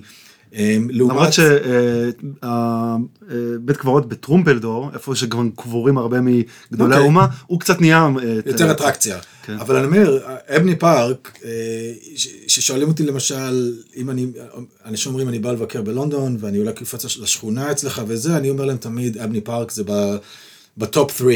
זה באמת, אה, כן, זה מאוד מעניין. ועכשיו עושים שם שיפוץ, קרה שם משהו אה, שלפי דעתי זה הדבר הכי לא אנגלי שראיתי, mm-hmm. הם שמו שם מין כזה שיהיה כניסה גם לנכים אני חושב. רמפה כפולה כזאת משני כן. הצדדים, כן. פתחו אותה כבר, ואז הגיע פקח להבנתי, אמר שזה לא עומד בתקן. ואז סגרו אותה, אבל עדיין אנשים נכנסים. יש שם שלט שכתוב אסור להיכנס, אבל אנשים כן נכנסים. זה אני לא שמעתי, ואני מאוד מחובר פה לכל מיני פרויקטים ככה דרך טוויטר וכל מיני כאלה. Uh-huh. אני יודע שיש עיכוב ב... בסיום הפרויקט בגלל חומרים, השלג וכאלה. Uh-huh. אז נגיד הם צריכים להגיד איזה מעקה ככה מברזל מיוחד שעוד לא הגיע וכאלה. Okay. אוקיי. אבל פתחו, הכניסה פתחו אותה באישור אה, מאוחר ממה שציפו. זה עדיין נראה כמו אתר בנייה, אבל מן הסתם היה הרבה לחץ כדי לפתוח שם. זה הכניסה הראשית? אה, לא, מ... לא, הכניסה, הכניסה השנייה מצ'רסטריט, שבמשך עד שנות ה-90 הייתה סגורה אגב. זה, כן, כן, ברגע שהחברה סגרה את הפארק. אז הם סגרו גם את זה. זה, זה היה תמיד סגור אגב, תמיד, זה... בכניסה הראשית מכיוון הכביש הראשי והרכבת אה, גם עושים שם איזשהו מבנה בית קפה או משהו. כן, בונים אה, בית קפה וגם מרכז אה, חינוכי, או אתה יודע, space כזה לאירועים מקומיים והכול. שזה מעניין, כי מצד אחד יש אנשים בפייסבוק שלא מבינים שום דבר, וישר צועק, מקימים קול צעקה על עוד בית קפה וג'נטריפיקציה של הבלה בלה בלה וכאלה. מה שהם לא מבינים זה שלתחזק שטח כזה עולה המון כסף. והמועצות המקומיות פה גם ככה כבר, אה, עם הרבה קיצוצים של כבר עשר שנים פלוס, נאבקות אה, לממן תחזוקה של שטחים כאלה. כן. וכשאתה בא לחשוב על איך אתה בעצם יכול אה, לפתח אתר כזה, שתהיה לו איזושהי הכנסת כסף, אז בדרך כלל אתה לא תעשה שם, מה תעשה שם, חנות בגדים? אז אתה יודע שקפה, קורסונים וכאלה, אז תמיד יהיה לזה ביקוש, אנשים באים והכול, אנשים שיוכלו לשכור את השטח לאירועים נגיד. יש שם אה, כנסייה קבורתית, אם זה השם של זה בעברית, זה לא, זה, זה מה שנקרא funerary chapel. שזה- כן, זה- במרכז זה- של זה המקוואות. במרכז, אבל זה לא כנסייה שאתה הולך אליה כדי להתפלל, זה חלק מה... משם יוצאים הטקס. הלוויה, אני כן, חושב. כן, כן, בדיוק, אתה יודע, זה, קוראים לזה funerary chapel. מעניין אותי אם בעברית זה כנסייה קבורתית, אני לא יודע אם זה משהו שהמצאתי עכשיו, אבל אה, זה גם, היה הרבה הזנחה ושריפה והכל, וחלק מהפרויקט עכשיו, אותה. זה שיפוץ מאוד רציני, להפוך את זה למקום לאירועים, עם חשמל וחימום ושירותים והכל. אז אני בטוח שיש אנשים שאהבו את זה יותר כאיזה מבנה על סף קריסה, והיית יכול לצלם שם, אני לא יודע מה, איזה קליפ לאיזה להקה ככה גותית כזאת, או heavy metal, אבל המציאות היא שלתחזק ולשמור על שטח כזה גדול, עם צרכים מאוד מיוחדים מבחינת שימור וגינון והכל, צריך כסף. כן. ו... אז זה משהו שגם, לפעמים, אתה יודע, אנשים, אני אומר, אנשים שלא מבינים, אז יכולים אולי לקטר על זה, אבל לדעתי אין ברירה, אחרת מקומות כאלה יכולים להיסגר, ואז אנשים יתלוננו עוד יותר, למה סגרתם לי את, ה... את הפארק. אגב, כסף ותחזוקה, אני יודע שהרזרבוארס, האגמים, אז אה, יש איזשהו, זה, הם השתקמו בשנים האחרונות כחלק מהמהלך של וודברי דאונס regeneration. נכון? אני חושב שהיזם שם, וודברי דאונס זה... זה כבר סיפור, כן, אוקיי. כן, וודברי דאונס זה סיפור מאוד גדול, אבל זה קשור שם להכרזה שם שמורת כן, טבע, דיוויד אטנבורו, יש שם תמונה שלו. כן, כן, כן, לא, זה שני הבריכות האלה בעצם, כמו שאמרנו, מבחינה, היה להם פעם תפקיד פונקציונלי. של המים אה, ללונדון. של המים, וברגע שהפסיקו להשתמש בהם, חברת המים בשנות ה-80 רצתה פשוט להיפטר מהם, ורצו לייבש את זה ולבנות על זה מבנים, ועל הבריכות טיהור, שבסוף זה כן קרה. היה קמפיין מקומי של איזה עשר שנים. ששמר על הבריכות של- טיהור ועל הבית משאבות. רצו, רצו להציל גם את, ה, את שני המאגרים האלה ואת הבריכות טיהור, ובסוף את הבריכות טיהור לא הצליחו לשמור, אבל הצליחו לשמור על ה- שני רואים, האלה. רואים את זה מאוד יפה איפה שהיו בריכות טיהור, כי כן. זה מין dead ends כאלה, זה כן. לא מתחבר לשום דבר. אבל ה- הגמ- המאגרים האלה במשך הרבה מאוד זמן היו באמת כזה אזור די כמעט פראי, כלומר, שמעתי הרבה סיפורים שאנשים, אתה לא מתקרב לשם, זה לא היה... מזוהם גם. אני לא יודעת כמה מזוהם, אבל זה קצת אה, לא מטופח, זה לא אזור... אני הבנתי שכאילו שהיה שם גם זיהום של ביוב. יכול אה, להיות, כאילו. אבל זה לא, זה לא היה אזור אטרקטיבי, אתה הולך שם היום ויש שביל יפה, וזה הכל מג... גינון יפה, אה, ויש... זה זה בעצם מה שקורה שם מצפון, וודברי כן, כן, דאונס, לפי מה שאני קראתי, אחד מהפרויקטים של ה urban regeneration, ההתחדשות העירונית הכי גדולה בלונדון ובאירופה, כן. זה אזור שבשנות ה-30 נבנו שם, זה כבר לא סטוק ניואינגטון, כאילו וודברי דאונס זה כאילו משהו אחר. אה, זה- כן. מה? אה, זה כן סטוק זה ניואינגטון? כן, אבל זה- עוד פעם, אפשר להיכנס לזה גם, אבל... אה, זה שיכונים משנת 1920, 1930? אה, 48 עד 62. אה, זה אחרי כן. המלחמה. כן, כן, כן. אה, אשכרה. מה שקרה זה שה... זה ה-London County Council, שזה בעצם המועצה של לונדון, היה לה... היא גם בנתה דיור ציבורי אה, בכל לונדון. כלומר, היא הייתה יכולה להפעיל... ובמיוחד. אחרי מלחמת העולם השנייה. גם, גם, אבל לדיור ציבורי. ב-1930... אה, Homes for the Heroes. כן, אבל גם לפני זה, בשנות ה-30, היה, אה, הייתה מגמה לפנות כל מיני מה שנקרא סלאמס בכל מיני מקומות, ואז לשכן אנשים בדיור מודרני, דיור ציבורי במידה מסוימת, או מסובסד, או, או מה שזה לא יהיה. ובשנות ה-30, אז County Council אה, בנתה כל מיני, בדרך כלל זה רק בית אחד או שני כאלה מבנים עם איזה 50 דירות. ובסטוק ניואינגטון יש כמה מקומות כאלה mm-hmm.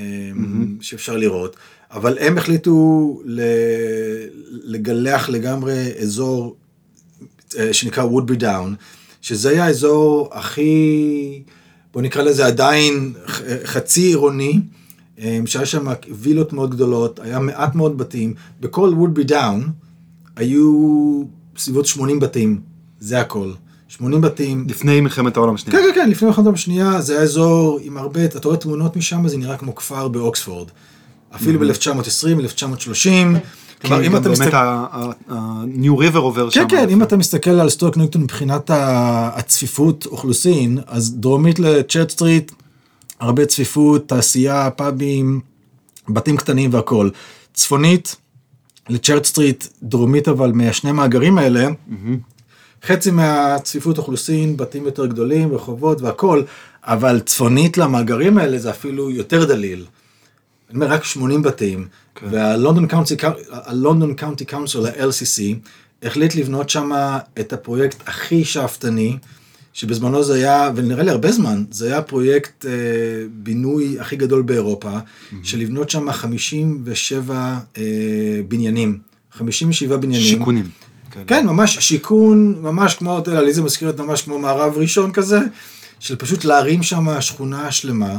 מערב ראשון החדשה, אתה כן, מדבר. אני מדבר על... כי זה מגדלים יחסית גבוהים, זה תשע עשר קומות. לי בטח זה, זה המערב הישן, שזה עכשיו זה כבר, המערב הזה, אבל um, הרעיון היה להרים שם ממש uh, שכונה שלמה, אבל לא רק מבחינת הבינוי, אבל גם ממש כמו עיירונת כזאת, כי הם רצו שיש שם, יהיה בית ספר אה, יסודי, חטיבת ביניים, כזה secondary school, mm-hmm. שיש שם מרפאה, שיש שם רחוב לחנויות, שבעצם ממש, מה שנקרא self-contained, שממש מ, מילדות, ויש שם גם בית אבות. כלומר, אתה, אתה נולד שם ואתה מת שם. Okay. אוקיי. לגמרי. וה-Woodbury Down זה, זה נחשב בזמנו באמת, אתה מסתכל על כל הכתבות, שזה היה באמת... מאוד מאוד שאפתני, מבחינת הסדר גודל לא היה דבר כזה לפני, אני לא יודע, אולי אחרי, אמ, אבל זה, זה מקרה מעניין כי הם, הם, הם, הם התכוונו לבנות את, ה, את הפרויקט בשנות ה-30 ואז קרתה המלחמה mm-hmm. ואז זה התעכב ואז הבנייה התחילה ב-1948 אה, עם שני מבנים של שמונה קומות. שזה היה בזמנו עם העליות, שב-1948 זה היה מאוד מאוד uh, מתקדם. חייב להגיד שמבחינת ארכיטקטורה בימים הישנים שם, זה בעייתי. זה בעייתי, אבל כמו שאתה אומר, זה, זה קצת ארכיטקטורה של כלא. זה קצת, כן, אבל בזמנו, אתה מסתכל איך, אה, מבחינה, איך, איך אה, שיווקו את זה ופרסמו את זה אז, זה נחשב, אתה יודע, מודרני. כן. אבל זה לא, מה שנקרא, אתה יודע, זה לא התיישן טוב. אבל כאילו לעומת אה, כאילו ב...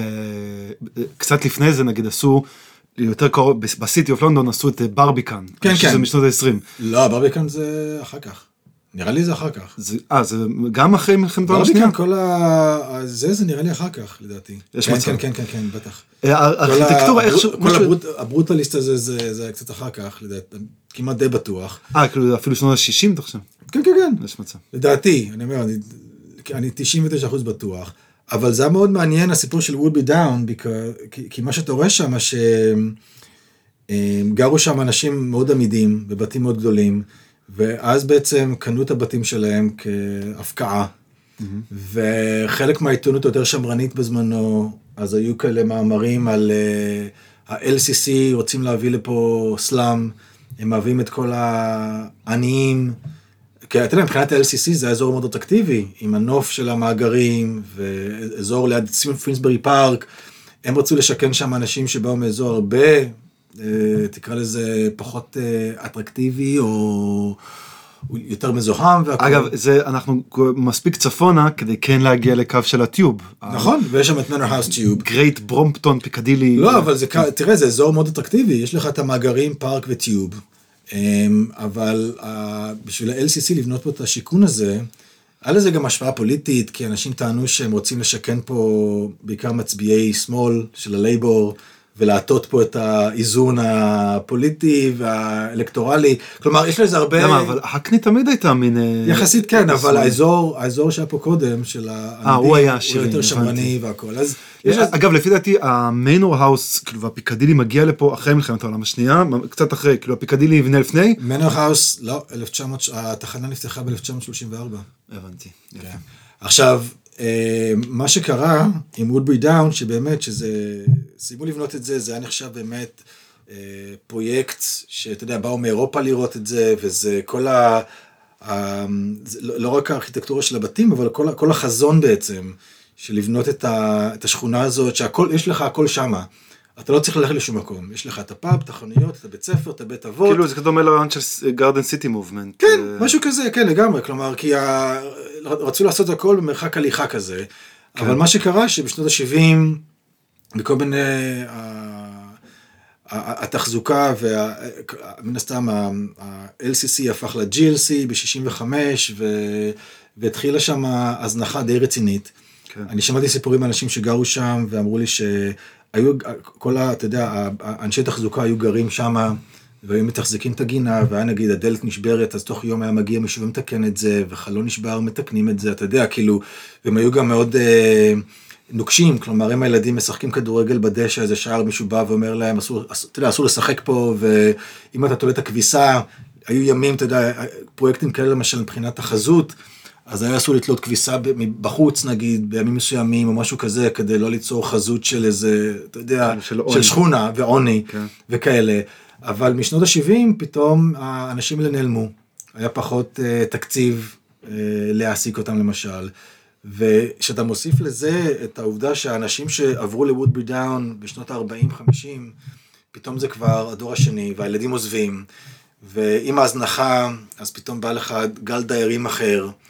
וזה זה לא כזה שונה משכונות שקונים בישראל. כן, כן, לא, ונוצר אוקיי. מצב שפתאום משכונה, אתה יודע, מתי שבנו אותה, היא הייתה איזה מין, אה, אתה יודע, כזה ביקן כזה, ואיזה מין, משהו, איזה מקור לגאווה, שזה הפך לאזור אה, מוזנח, מסוכן.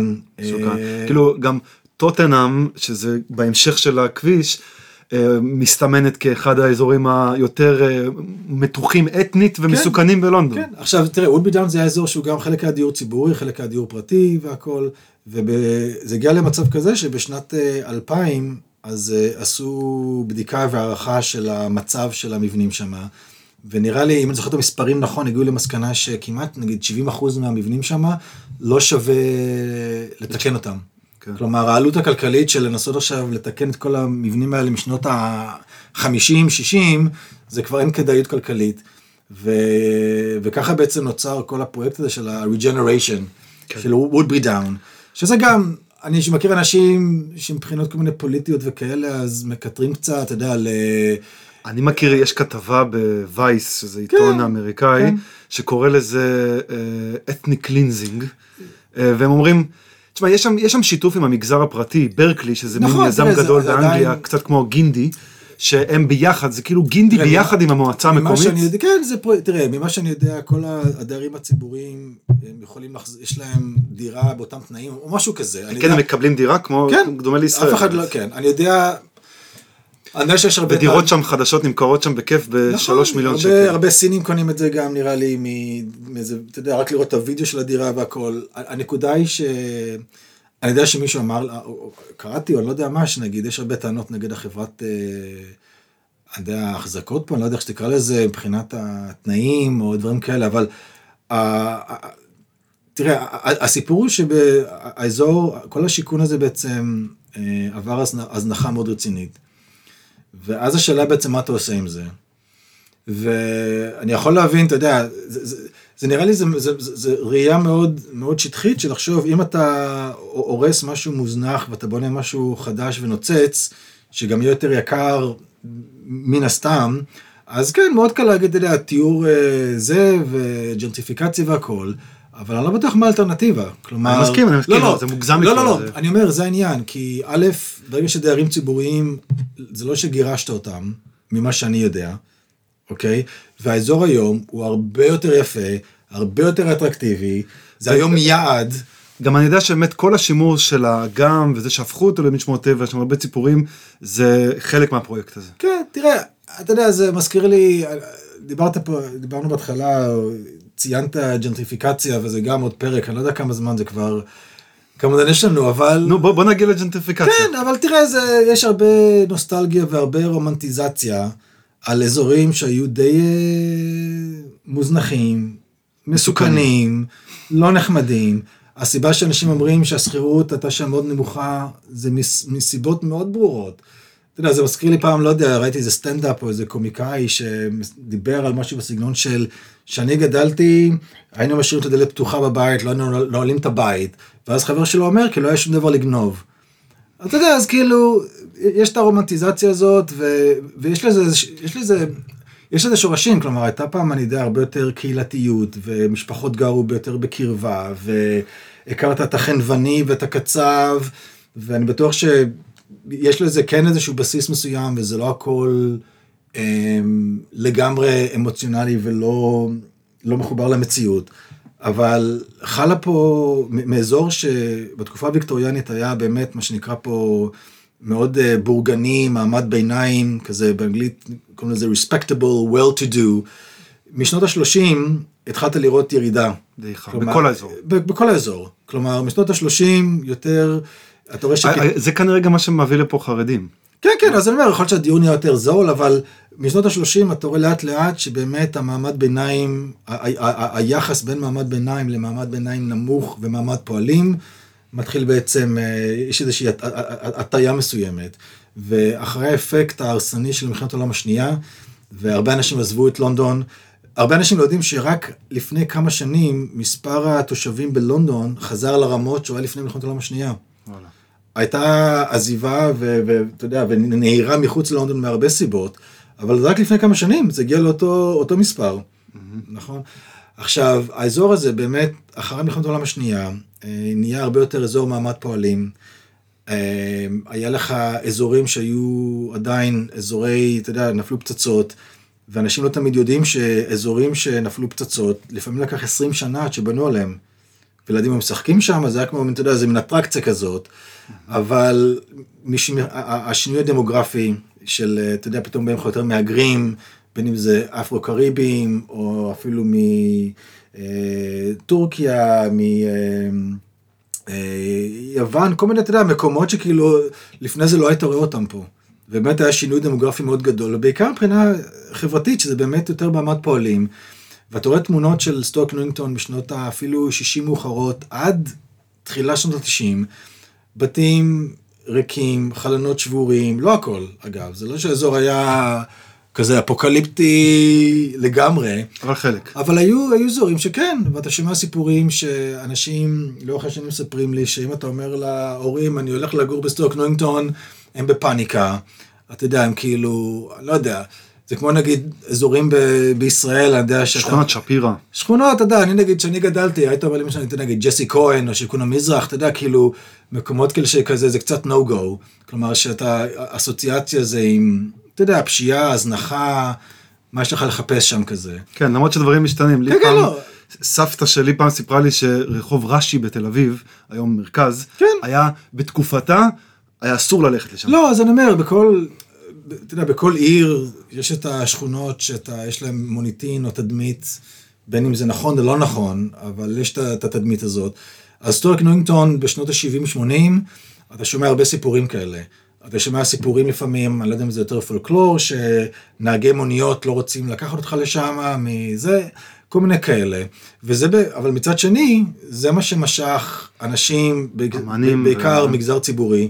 אז הרבה מורים, אה, אחיות, אה, אומנים עניים, כל מיני, אתה יודע, אנשים, אתה יודע, בין אם זה להקות וכל מיני בוהמיאנים, משוררים, אנשי רוח כאלה, פתאום הגיעו לפה. כי זה אגב, האזור... אה, אדגר אלן פה, הוא למד פה. הוא למד פה. כן, היה בית ספר קטן בצ'רט סטריט והוא למד שמה.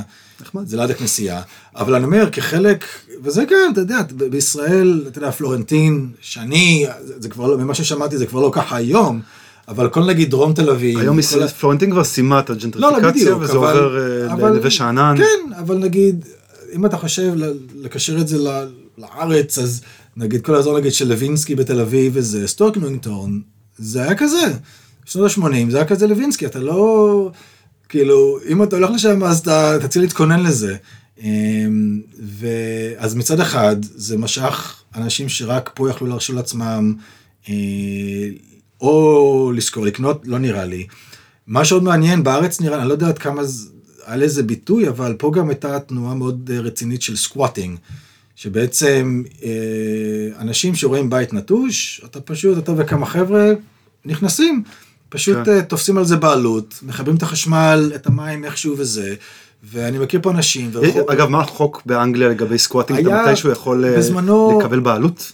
אני לא זוכר, אני יודע שבגרמניה, אחרי שבע שנים, זה שלך. איזה, אז כזה. היה איזה משהו עם זה, אני לא יודע אם עודדו את זה או לא, אבל בוא נגיד די העלימו עין, כלומר, אה, הייתה פחות אכיפה, נגיד של, אה, אתה יודע, לגרש אנשים בבתים האלה, ואני מכיר אנשים שגרו במשך שנים, היום ברחובות, שזה בתים כאלה ויקטוריאניים שהיום צבועים לבן עם כל הדקורציה והכל, אבל הם גרו שם איזה 18 איש בחמישה חדרי שינה האלה, אתה יודע, בסלון והכל, וכן, אתה יודע, סקואטינג. זה, וכן, והיה מקום, רחובות שלמים, אבל אתה היית יכול לעשות סקואטינג באזור שזה אזור כזה, כלומר שהבתים חצי מפוצצים כאלה ונטשו אותם, אבל אה, זה מעניין לראות שמתחילת אמצע שנות ה-80 חלה בעצם פתאום לאט לאט מתחיל איזשהו תהליך של... אה, אני אפילו לא אקרא לזה, אפשר לקרוא לזה השבחה או ג'נטריפיקציה, אבל אתה רואה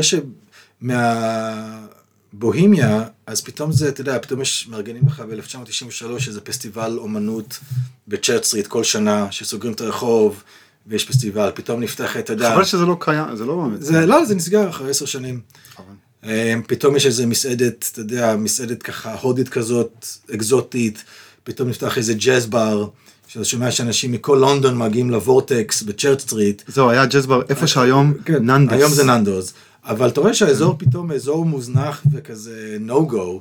פתאום יש את המסעדה, יש את האנגלו, קוראים לזה ה Anglo Asian, שזה מסעדה שאתה שומע אנשים מדרום לונדון באים לאכול את הקארי וזה וזה.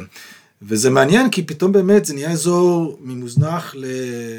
אתה יודע, כזה צבעוני, edgy, בוהמיאני, קריאטיבי כזה.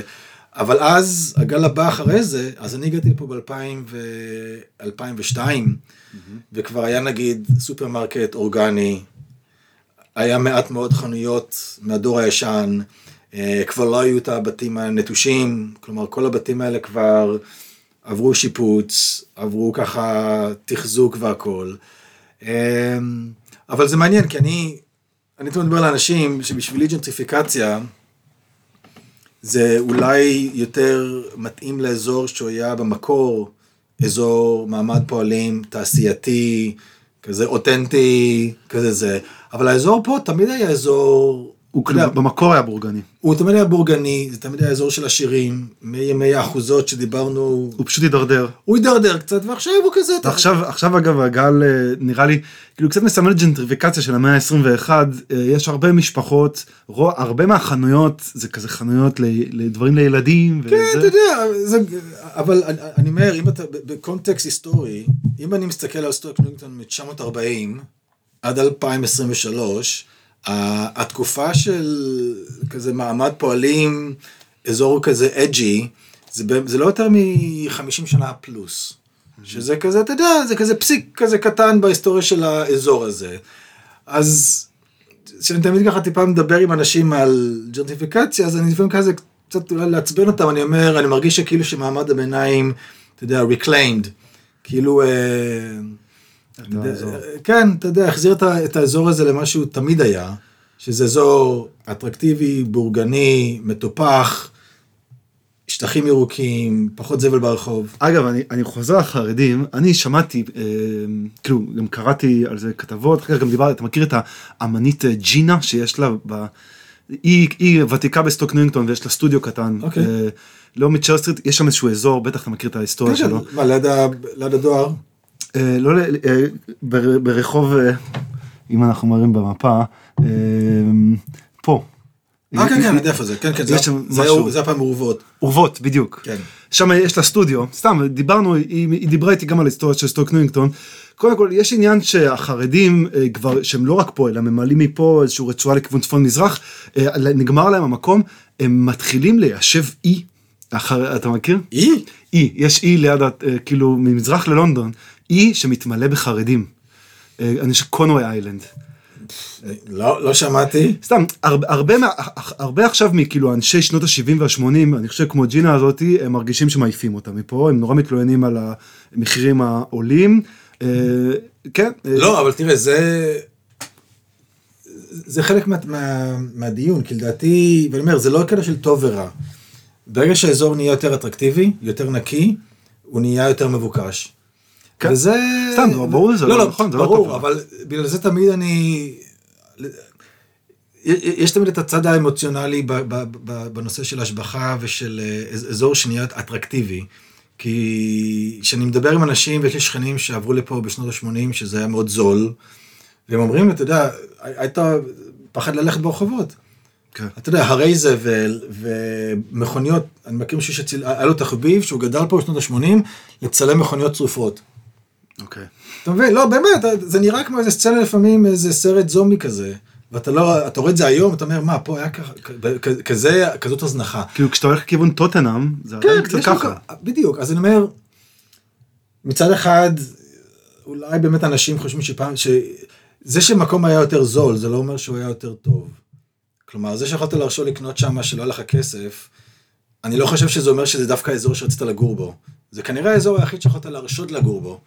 והיום, שאנשים עם אמצעים רוצים לגור, אז הם רוצים את הפארק, הם רוצים את הבתי קפה, את הפאבים, את המסעדות, הם רוצים את הר- תחנת רכבת. תחנת רכבת. אגב, שתיקח- להבנתי, להבנתי, אה, הרי היה איזושהי רפורמציה עם TFL, והרי התחנת הרכבת הזאת היום שייכת לרשת ה Overground. נכון. היא פעם הייתה שייכת לרכבת הבין-עירונית. נכון. וכשעשו את הרפורמציה של ה Overground ב-2005, כן. פתאום הרבה יותר רכבות עוברות פה. זה גם יותר רכבות, והם גם עשו שם אה, קצת, אה, התחנת רכבת שם בזמנו הייתה די מוזנחת, די מפחידה כזאת, לא... הרציף שם והכל היה נראה באמת די אפוקליפטי. אז שה Overground השתלטו על כאילו, זה, זה, אז... יש שם איזשהו אתגר מבחינת רכבות, כי זה רק מסילה כפולה, כן. אבל עוברות עליה גם ה Overground, שזה רכבות נכון, מקומיות ללונדון, רכבות, אה, וגם מסע. רכבות שיוצאות, אה, כן. וגם רכבות מסע, וגם נכון. רכבות שיוצאות מחוץ ללונדון. כן, אבל זה בהחלט, אני אומר, הרבה אנשים שגרים פה היום, המעמד ביניים, אז אתה יודע, עובדים במרכז לונדון, אתה מגיע לליברפול סטריט אה, 12 דקות מפה, ואז אתה יכול להתחבר על כל הרשת של ה Tube. רכבות, אה, הרכבות שהם הביאו בומברדיה מדהימות, שמאוד נכון, כיפיות, ה Overground האלה כן, חשמליות. אז, אז אני אומר, אז מהבחינה הזאת, אה,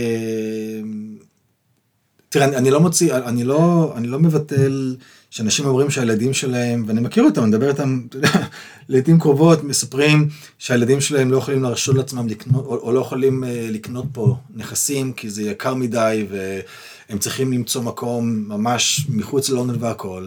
אז כן, זה, ללא ספק זה... יש בזה משהו שלילי ב- מהבחינה הזאת אולי, אבל אני לא יודע עד כמה ההורים האלה, אני יודע שהייתה פה גם מגמה בשנות ה-60 של הרבה משפחות לעזוב את סטוק ניוינגטון ולעבור לפרברים, כי זה יותר בטוח ויותר ירוק. אז יש לך פרברים כמו אדמונטון ואנפילד למשל, וצ'ינגפורד וכל מיני כאלה, שאני יודע, אני, אתה יודע, בתגובות של אנשים בפייסבוק אתה קורא, ההורים מכרו את הבית בסטוק ניוינגטון ב-800 פאונד, וקנו כדי ש- ב- וקנו זה, היום הבית הזה שווה מיליון וחצי. אבל מה שאתה יודע, הרציונל של ההורים אז, היה, האזור הזה הידרדר, אני לא רוצה לגדל פה ילדים, הפארק הזה, הקליסולד פארק היה no go, כן. עד, כן, אני, אני מכיר מישהי שקנתה בית מ- מ- מול הפארק, מול המגרשי טניס, כי זה היה הבית הכי זול שהיא יכלה להרשות- להרשות לעצמה. אתה מבין? אז פעם מול הפארק זה היה הכי זול, היום זה הכי יקר.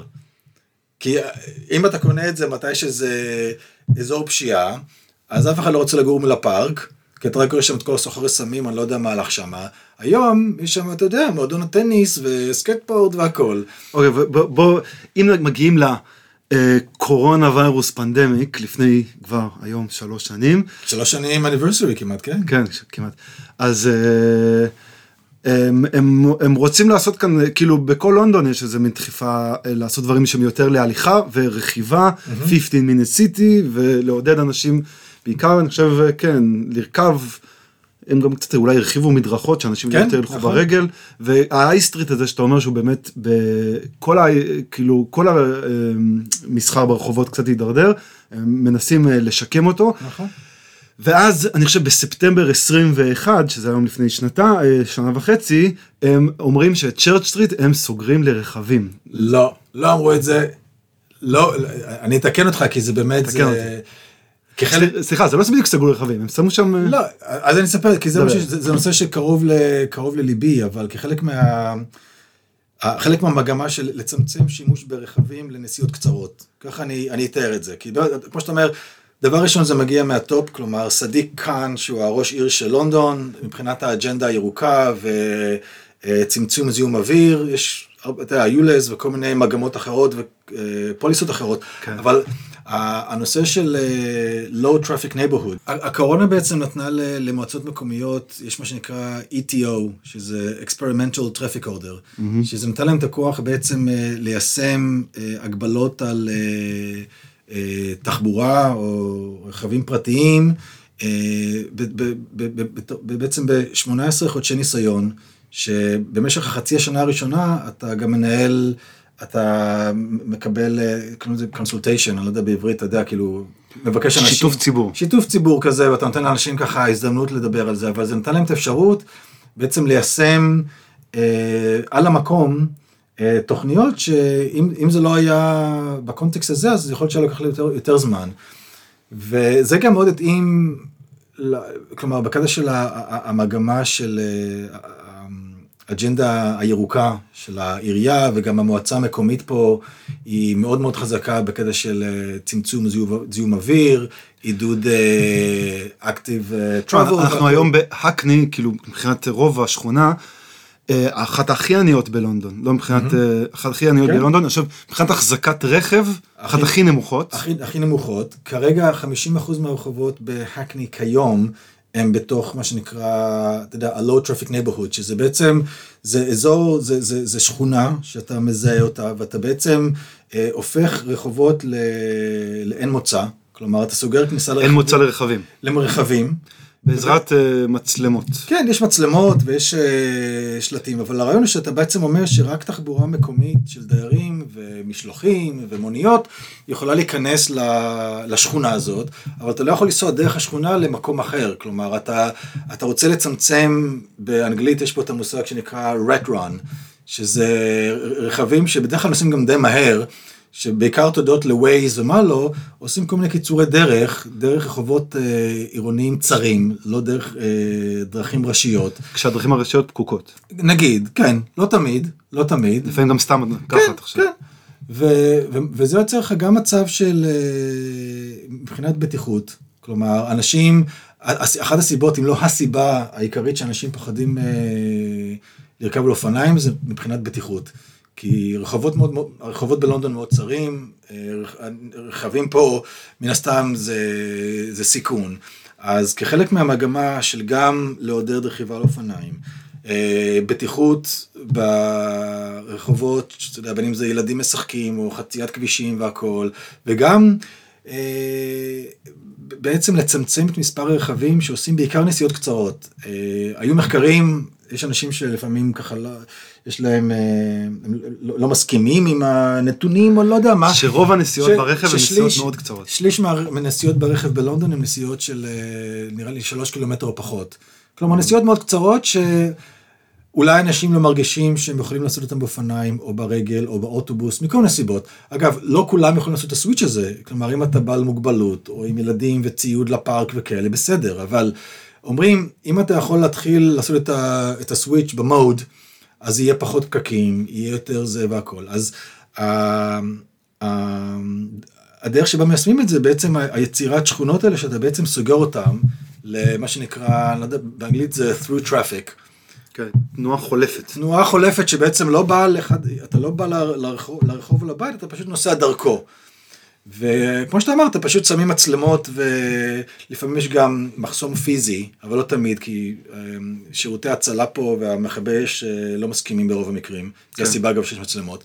אבל בעצם מספר הרכבים ברחובות האלו יורד דרסטית, כי אתה פתאום מגלה שרוב הרכבים זה רכבים שנוסעים דרך, זה לא רכבים שמגיעים לבתים. עכשיו, מה שאתה תיארת ב Church Street זה מקרה מאוד מעניין, כי Church Street זה רחוב שיש בו 112 אה, חנויות, מסעדות, פאבים, ומצד אחד הוא לא רחוב ראשי ראשי, כלומר עם איזה שלושה ארבעה נתיבים, אבל הוא גם לא רחוב צדדי כזה של רק בתים. לפי הוא, דעתי גם מבחינת אה, רוחב דרך הוא יחסית צר. הוא עדיין צר, נכון. בין זה- 16 ל-18 לא, מטר, זה- בין חזית לחזית. זה שני נתיבים, אחד לכל כיוון. כלומר, זה עדיין רחוב, חלק מה, מה, מהקסם שלו זה שהוא עדיין, הוא מאוד כזה וילג'י, כפרי. יש לו את האווירה, אתה לא מרגיש שאתה, אני תמיד לאנשים בארץ, אני משווה אותו לשנקין, לעומת נגיד, אתה יודע, אלנבי או דיזנגוף. נגיד, אם בשבילי ה-A10, הוא יותר זה יותר כזה קינג ג'ורג', אבל צ'רץ' סטריט זה יותר שנקין. אתה יודע, זה יותר כזה צר, חנויות. למרות שעוד משהו שהוא חשוב לפי דעתי בצ'רץ' סטריט, זה החשיבות שלו לרשת האוטובוסים. נכון. יש ממנו שירות אוטובוסים מעולה. אה, לכל, להמון יעדים באזור. נכון, אבל מה ש... ברגע שיש לך רחוב כזה, אתה לא יכול לסגור אותו בצד אחד, כי באמת, אתה אומר, יש אוטובוסים, יש גם הרבה חנויות, יש משלוחים, אתה לא יכול. אז מה שהם יישמו ברחוב הזה, זה, זה משהו שנקרא בס גייט. אה, אני לא יודע, קורא לזה שער אוטובוס, אני יודע איך קוראים לזה בעברית. עכשיו, מבחינה טכנית, בס גייט זה, זה, זה, זה חלק מהכביש שרק אוטובוסים יכולים לנסוע דרכו. השלט, למי שמכיר, זה עגול כחול עם אוטובוס באמצע, לפעמים גם אופניים. והרעיון הוא שעם עם רכב, שזה לא אוטובוס, אתה יכול לנסוע עד לנקודה הזאת, ומשם אתה עושה פרסה, או שאתה פונה הצידה. כן. ו... ומה שהם עשו בצ'אט סטריט, כדי לצמצם באופן מאוד משמעותי את מספר הרכבים שם, מהסיבות שציינת, גם עידוד אנשים לבקר ברחוב, ולהפוך את זה לאזור פחות מזוהם, יותר אטרקטיבי, לשבת בחוץ, כוס קפה, מסעדות, על פרסקו פה זה פחות מטופח. חלק גם, כי יש לך הרבה תנועת רכבים, אז זה לא, לא כזה כיף, במיוחד ברחוב צר. אז מה שהם עשו, הם יצרו את הבסגייט הזה, ובעצם אתה יכול לנסוע עד אמצע הרחוב, ואז אתה יכול לעשות, לפנות. אתה לא יכול לנסוע מ... כן, ואז. בעצם אתה כן. לא מודד תנועה עוברת, באמת אה, כמות המכוניות שם כן, עכשיו- ירדה פלאים, נכון. עכשיו, ויש מצב שזה עשה טוב, לה, כאילו, יש אנשים שמודדים דברים כאלה כמותית, ובאמת מראים אה, אם זה עשה טוב לעסקים וזה, מנקודת מבט שלי זה נראה ש... תראה, זה, זה נושא כן. מאוד מורכב, כי אחת הטענות שהמחקרים האחרונים מוכיחים שהיא לא מבוססת, זה שברגע שאתה אתה חוסם אה, תנועה, אז התנועה הזאת הולכת למקום אחר, ואתה יוצר פקק וזיהום במקום אחר. ברחובות ראשיים של ברחובות רכבים. ראשיים ורחובות אחרים. כמו סטוק ניוינגטון אה, היי סטריט למשל, שלנו. עכשיו, כי לאנשים מבחינה לוגית, מן הסתם, אתה חושב, אם אתה שם מחסום פה, אז הרכב בא למקום אחר. עכשיו, מה שמעניין, ואני אני מתוך סקרנות אני קורא את זה, אני לא... זה לא המקצוע שלי, אבל יש... המחקרים עצמם, בין אם אתה מודד זיהום וגם מודד רכבים והתנהגות של אנשים, מה שמגלים ומה שאנשים אה, מראים, זה שתנועה של רכבים היא לא מתנהגת כמו מים בצינור. ברגע שאתה סוגר מקום אחד, כל הכמות הזאת היא לא הולכת למקום אחר. יש אנשים שמשנים את ההרגלים, משנים את ההתנהגות. שזה מה שרצו שיעשו. נכון, וכל הנושא של אה, התאיידות, אתה יודע, traffic evaporation, מי שלא מאמין ב... בתוכניות האלה של אה, צמצום רכבים, מכל מיני סיבות אגב, בין אם זה פוליטי, אה, חברתית, לא משנה, יש לזה הרבה סיבות. אז אתה תגיד, אה, אתה נראה תגיד- לי, אתה מדבר בזהירות, כי יש כאן אנשים שממש לא, לא, לא, לוקחים את זה קשה, נכון? זה נושא מאוד... אתה מקבל הרבה תגובות מאנשים?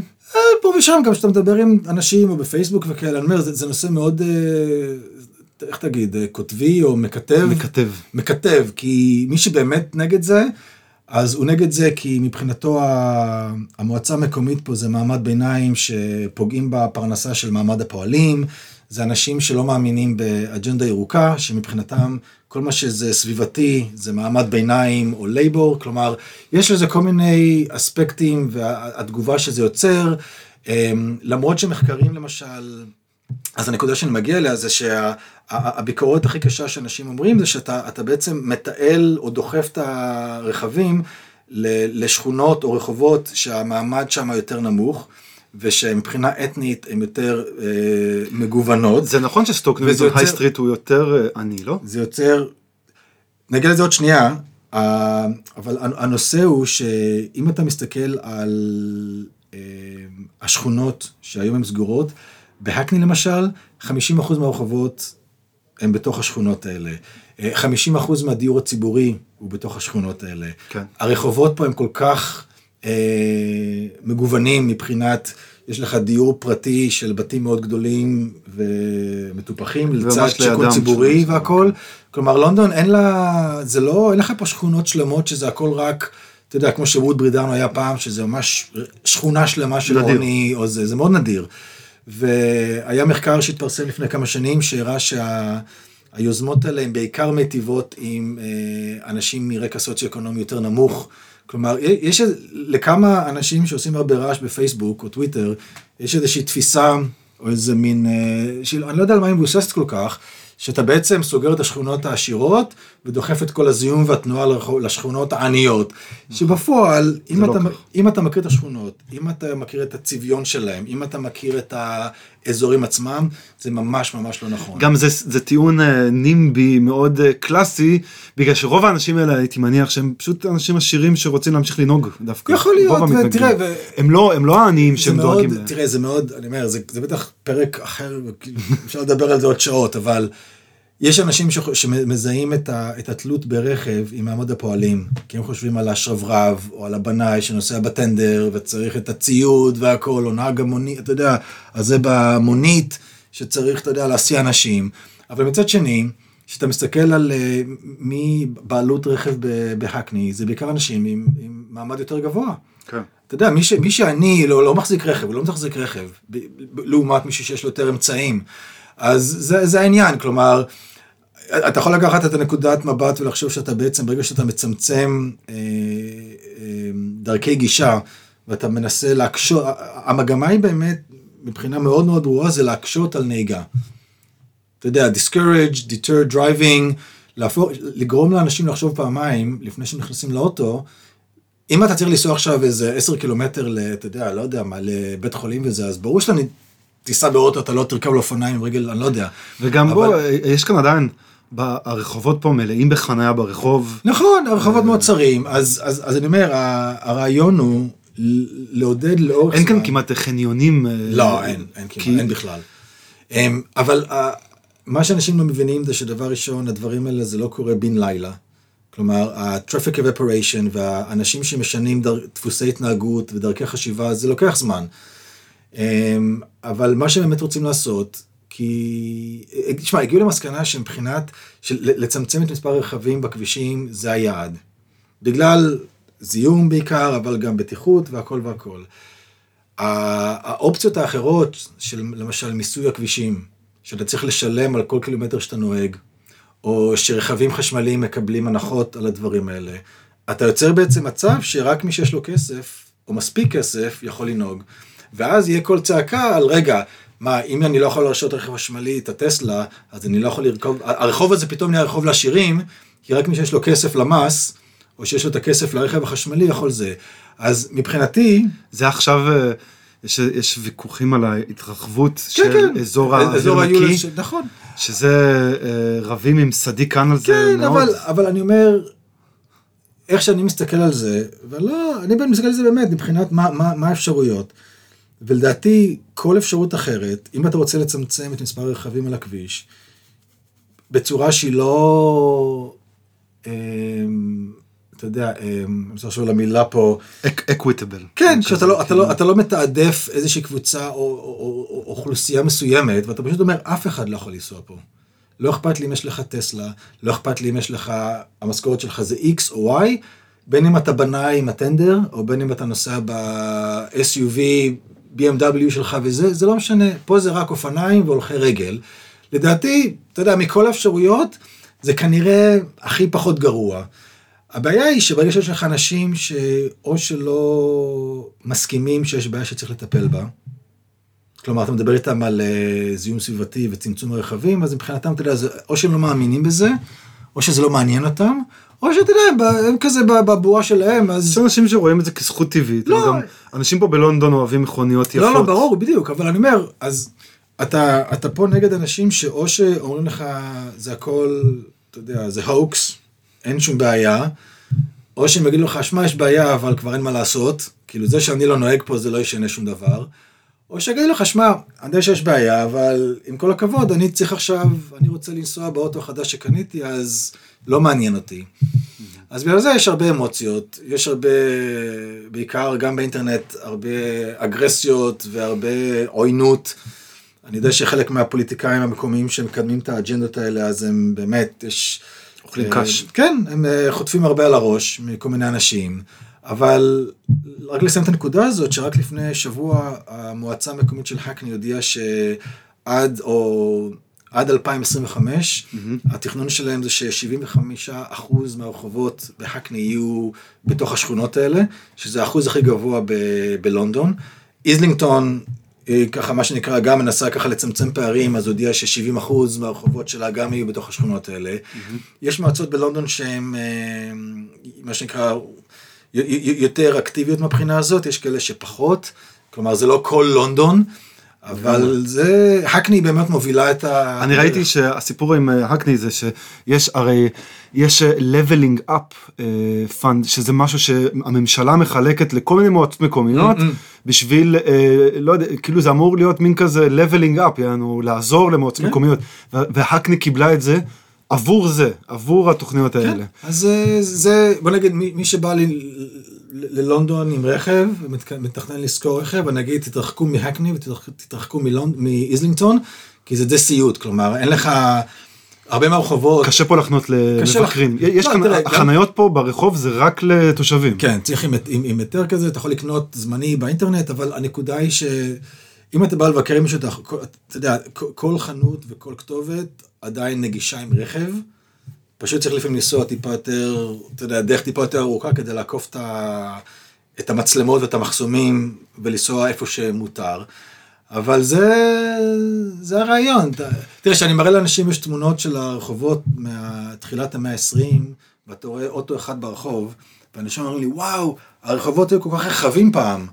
ואתה יודע, הם לא יותר, הרחוב לא היה יותר רחב פעם. היו פחות מכוניות. כן, היה אותו רוחב, פשוט פחות, אה, אתה יודע, שלוש... וגם המכוניות לא היו כאלה ענקיות. נכון, לא היה לך את השלוש טון גוש מתכת, אתה יודע, בשורות, ליד הבתים. אגב, יש לי אבל עוד, עוד, זה, זה גם אולי קצת ל, אה, לעתיד הרחוק, אני לא יודע כמה אתה מכיר את ה-Crossrail 2. כן, כן. מכיר. אז לפי מה שאני מכיר, כאילו, אה, בעצם מ...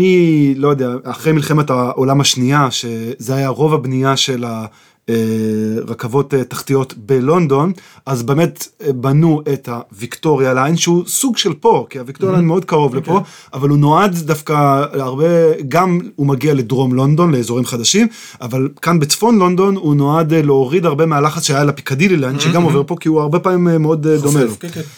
אה, אז אה, הוא נבנה, ואז אה, בעצם אה, יש, כאילו, והוא לא באמת בהקני, כמו שאומרים, הוא אולי- בקצה, איפשהו בין איזלינגטון להקני. ויש תוכניות מאוד אה, עתיקות בלונדון לאיזשהו קו הקני צ'לסי, כדי לחבר את שתי השכונות האלה, שאין להם, מרכז, שכונות מרכזיות שאין להם אה, כן, כן, כי חיבורים. רוב, רוב דרך מרכזיות. אני לא חושב שיש קו רכבת אחד באמת שעובר ממערב למזרח, כלומר יש, הסנ... יש נגיד את הסרקל ליין, זה יותר מרכזי, אבל רוב, רוב הקווי רכבות שבנו אותם תמיד זה מהמרכז לאחד הכיוונים, כן. וגם אם אתה מסתכל על מספר קווי הרכבת במזרח לונדון, אפילו בהקני, לעומת מערב לונדון, מן הסתם זה, יש מעט מאוד. יש מעט מאוד. מעט מאוד תחנות, מעט מאוד אה, קווים גם. אני מכיר אגב סיפור, אה, לא יודע אם אתה מכיר בתור היסטוריון, אני פעם קראתי שתאצ'ר בשנות ה-70, נכון? תאצ'ר מתי זה מתחיל? שנות ה-70? בסוף נבחרה 79. 79, זה כבר שנות ה-80, אה, היא הייתה צריכה להכריע בין אה, הקרוס רייל, מה שנבנה היום האליזבת ליין, לבין הארכה של הג'ובילי ליין, שזה מה שהיא החליטה, היא רצתה לבנות את הג'ובילי ליין, אלא מה שהיה אכפת לה שם, המרכז הפיננסי החדש כן. בקנרי וורף, וצ'לסי הקני. צ'לסי הקני מראש פסלה, היא אמרה, אנחנו לא אה, רוצים לדאוג ללייבור, כי הקני זה של הלייבור. זה אזור, אזור יותר מעמד פועלים, פחות uh, מצביעים של השמרנים, אז כן, אני מתאר לעצמי שזה בהחלט uh, היה איזשהו שיקול. ועכשיו קרוס רייל 2 זה בעצם הקו שכבר התחילו לתכנן אותו לפני איזה 5-7 שנים, אה, ויש לו תכנון ראשוני, אני מכיר את התוכניות שיש, התחנות הכי קרובות אלינו זה תחנה בדלסטון, כן. ואז תחנה ב-7 סיסטרס, שזה כן, גם כן, לא רחוק. כן. תכלס אין, אין באמת תחנה פה, אין, לא מתוכננת תחנה מאוד קרובה לפה, דלסטון זה קצת אה, רחוק. כן, אני יודע, דיברו על זה קצת, אתה יודע, חשבו שבאמת סטוק ניוינגטון כן יכול להיות, אתה יודע, אבל אני לא יודע מבחינה הנדסית או מה השיקולים, אבל... זה גם קו שהוא אה, כמו אה, אליזבת ליין שנפתח, שהם רוצים, אה, הם רוצים שזה קו שיהיה לו יחסית מעט, כאילו זה אמור להיות איזשהו קו פרברי. הוא מתחבר, הוא יתחבר לקווים של אוקיי. האוברגראונד, כן, כן. והוא יגיע עד ללי ואלי בגדול, אבל תוכל כמו עם האליזבת ליין לשבת ולהגיע למרכז לונדון בלי להחליף. בוא נראה, תראה, אליזבת ליין לקח לזה, זה, זה התעכב באיזה חמש שנים, אז... אה, חלק מהאנשים טוענים שזה יתעכב באיזה 150 שנה. כן, זה אז כבר- אה, ו- אני, בוא נראה, אולי עד, עד הפרק הבא, אם נעשה follow-up, אז... אה, לפי דעתי זה יעשה דברים מעניינים פה, במיוחד כאילו ה-7 Sisters, זה יכול להרים את טוטנאם, שזה האזור הכי מדורדר פה באזור, אולי גם את דלסטון, כן. שזה גם אזור יחסית, ואז זה יעשה כאן השפעה טובה, זה כן יעשה לחץ לבנות פה בהחלט. יותר ויותר גבוה ויותר צפוף, בהחלט. איפה שעוד נשאר, אני מניח. בוא נראה.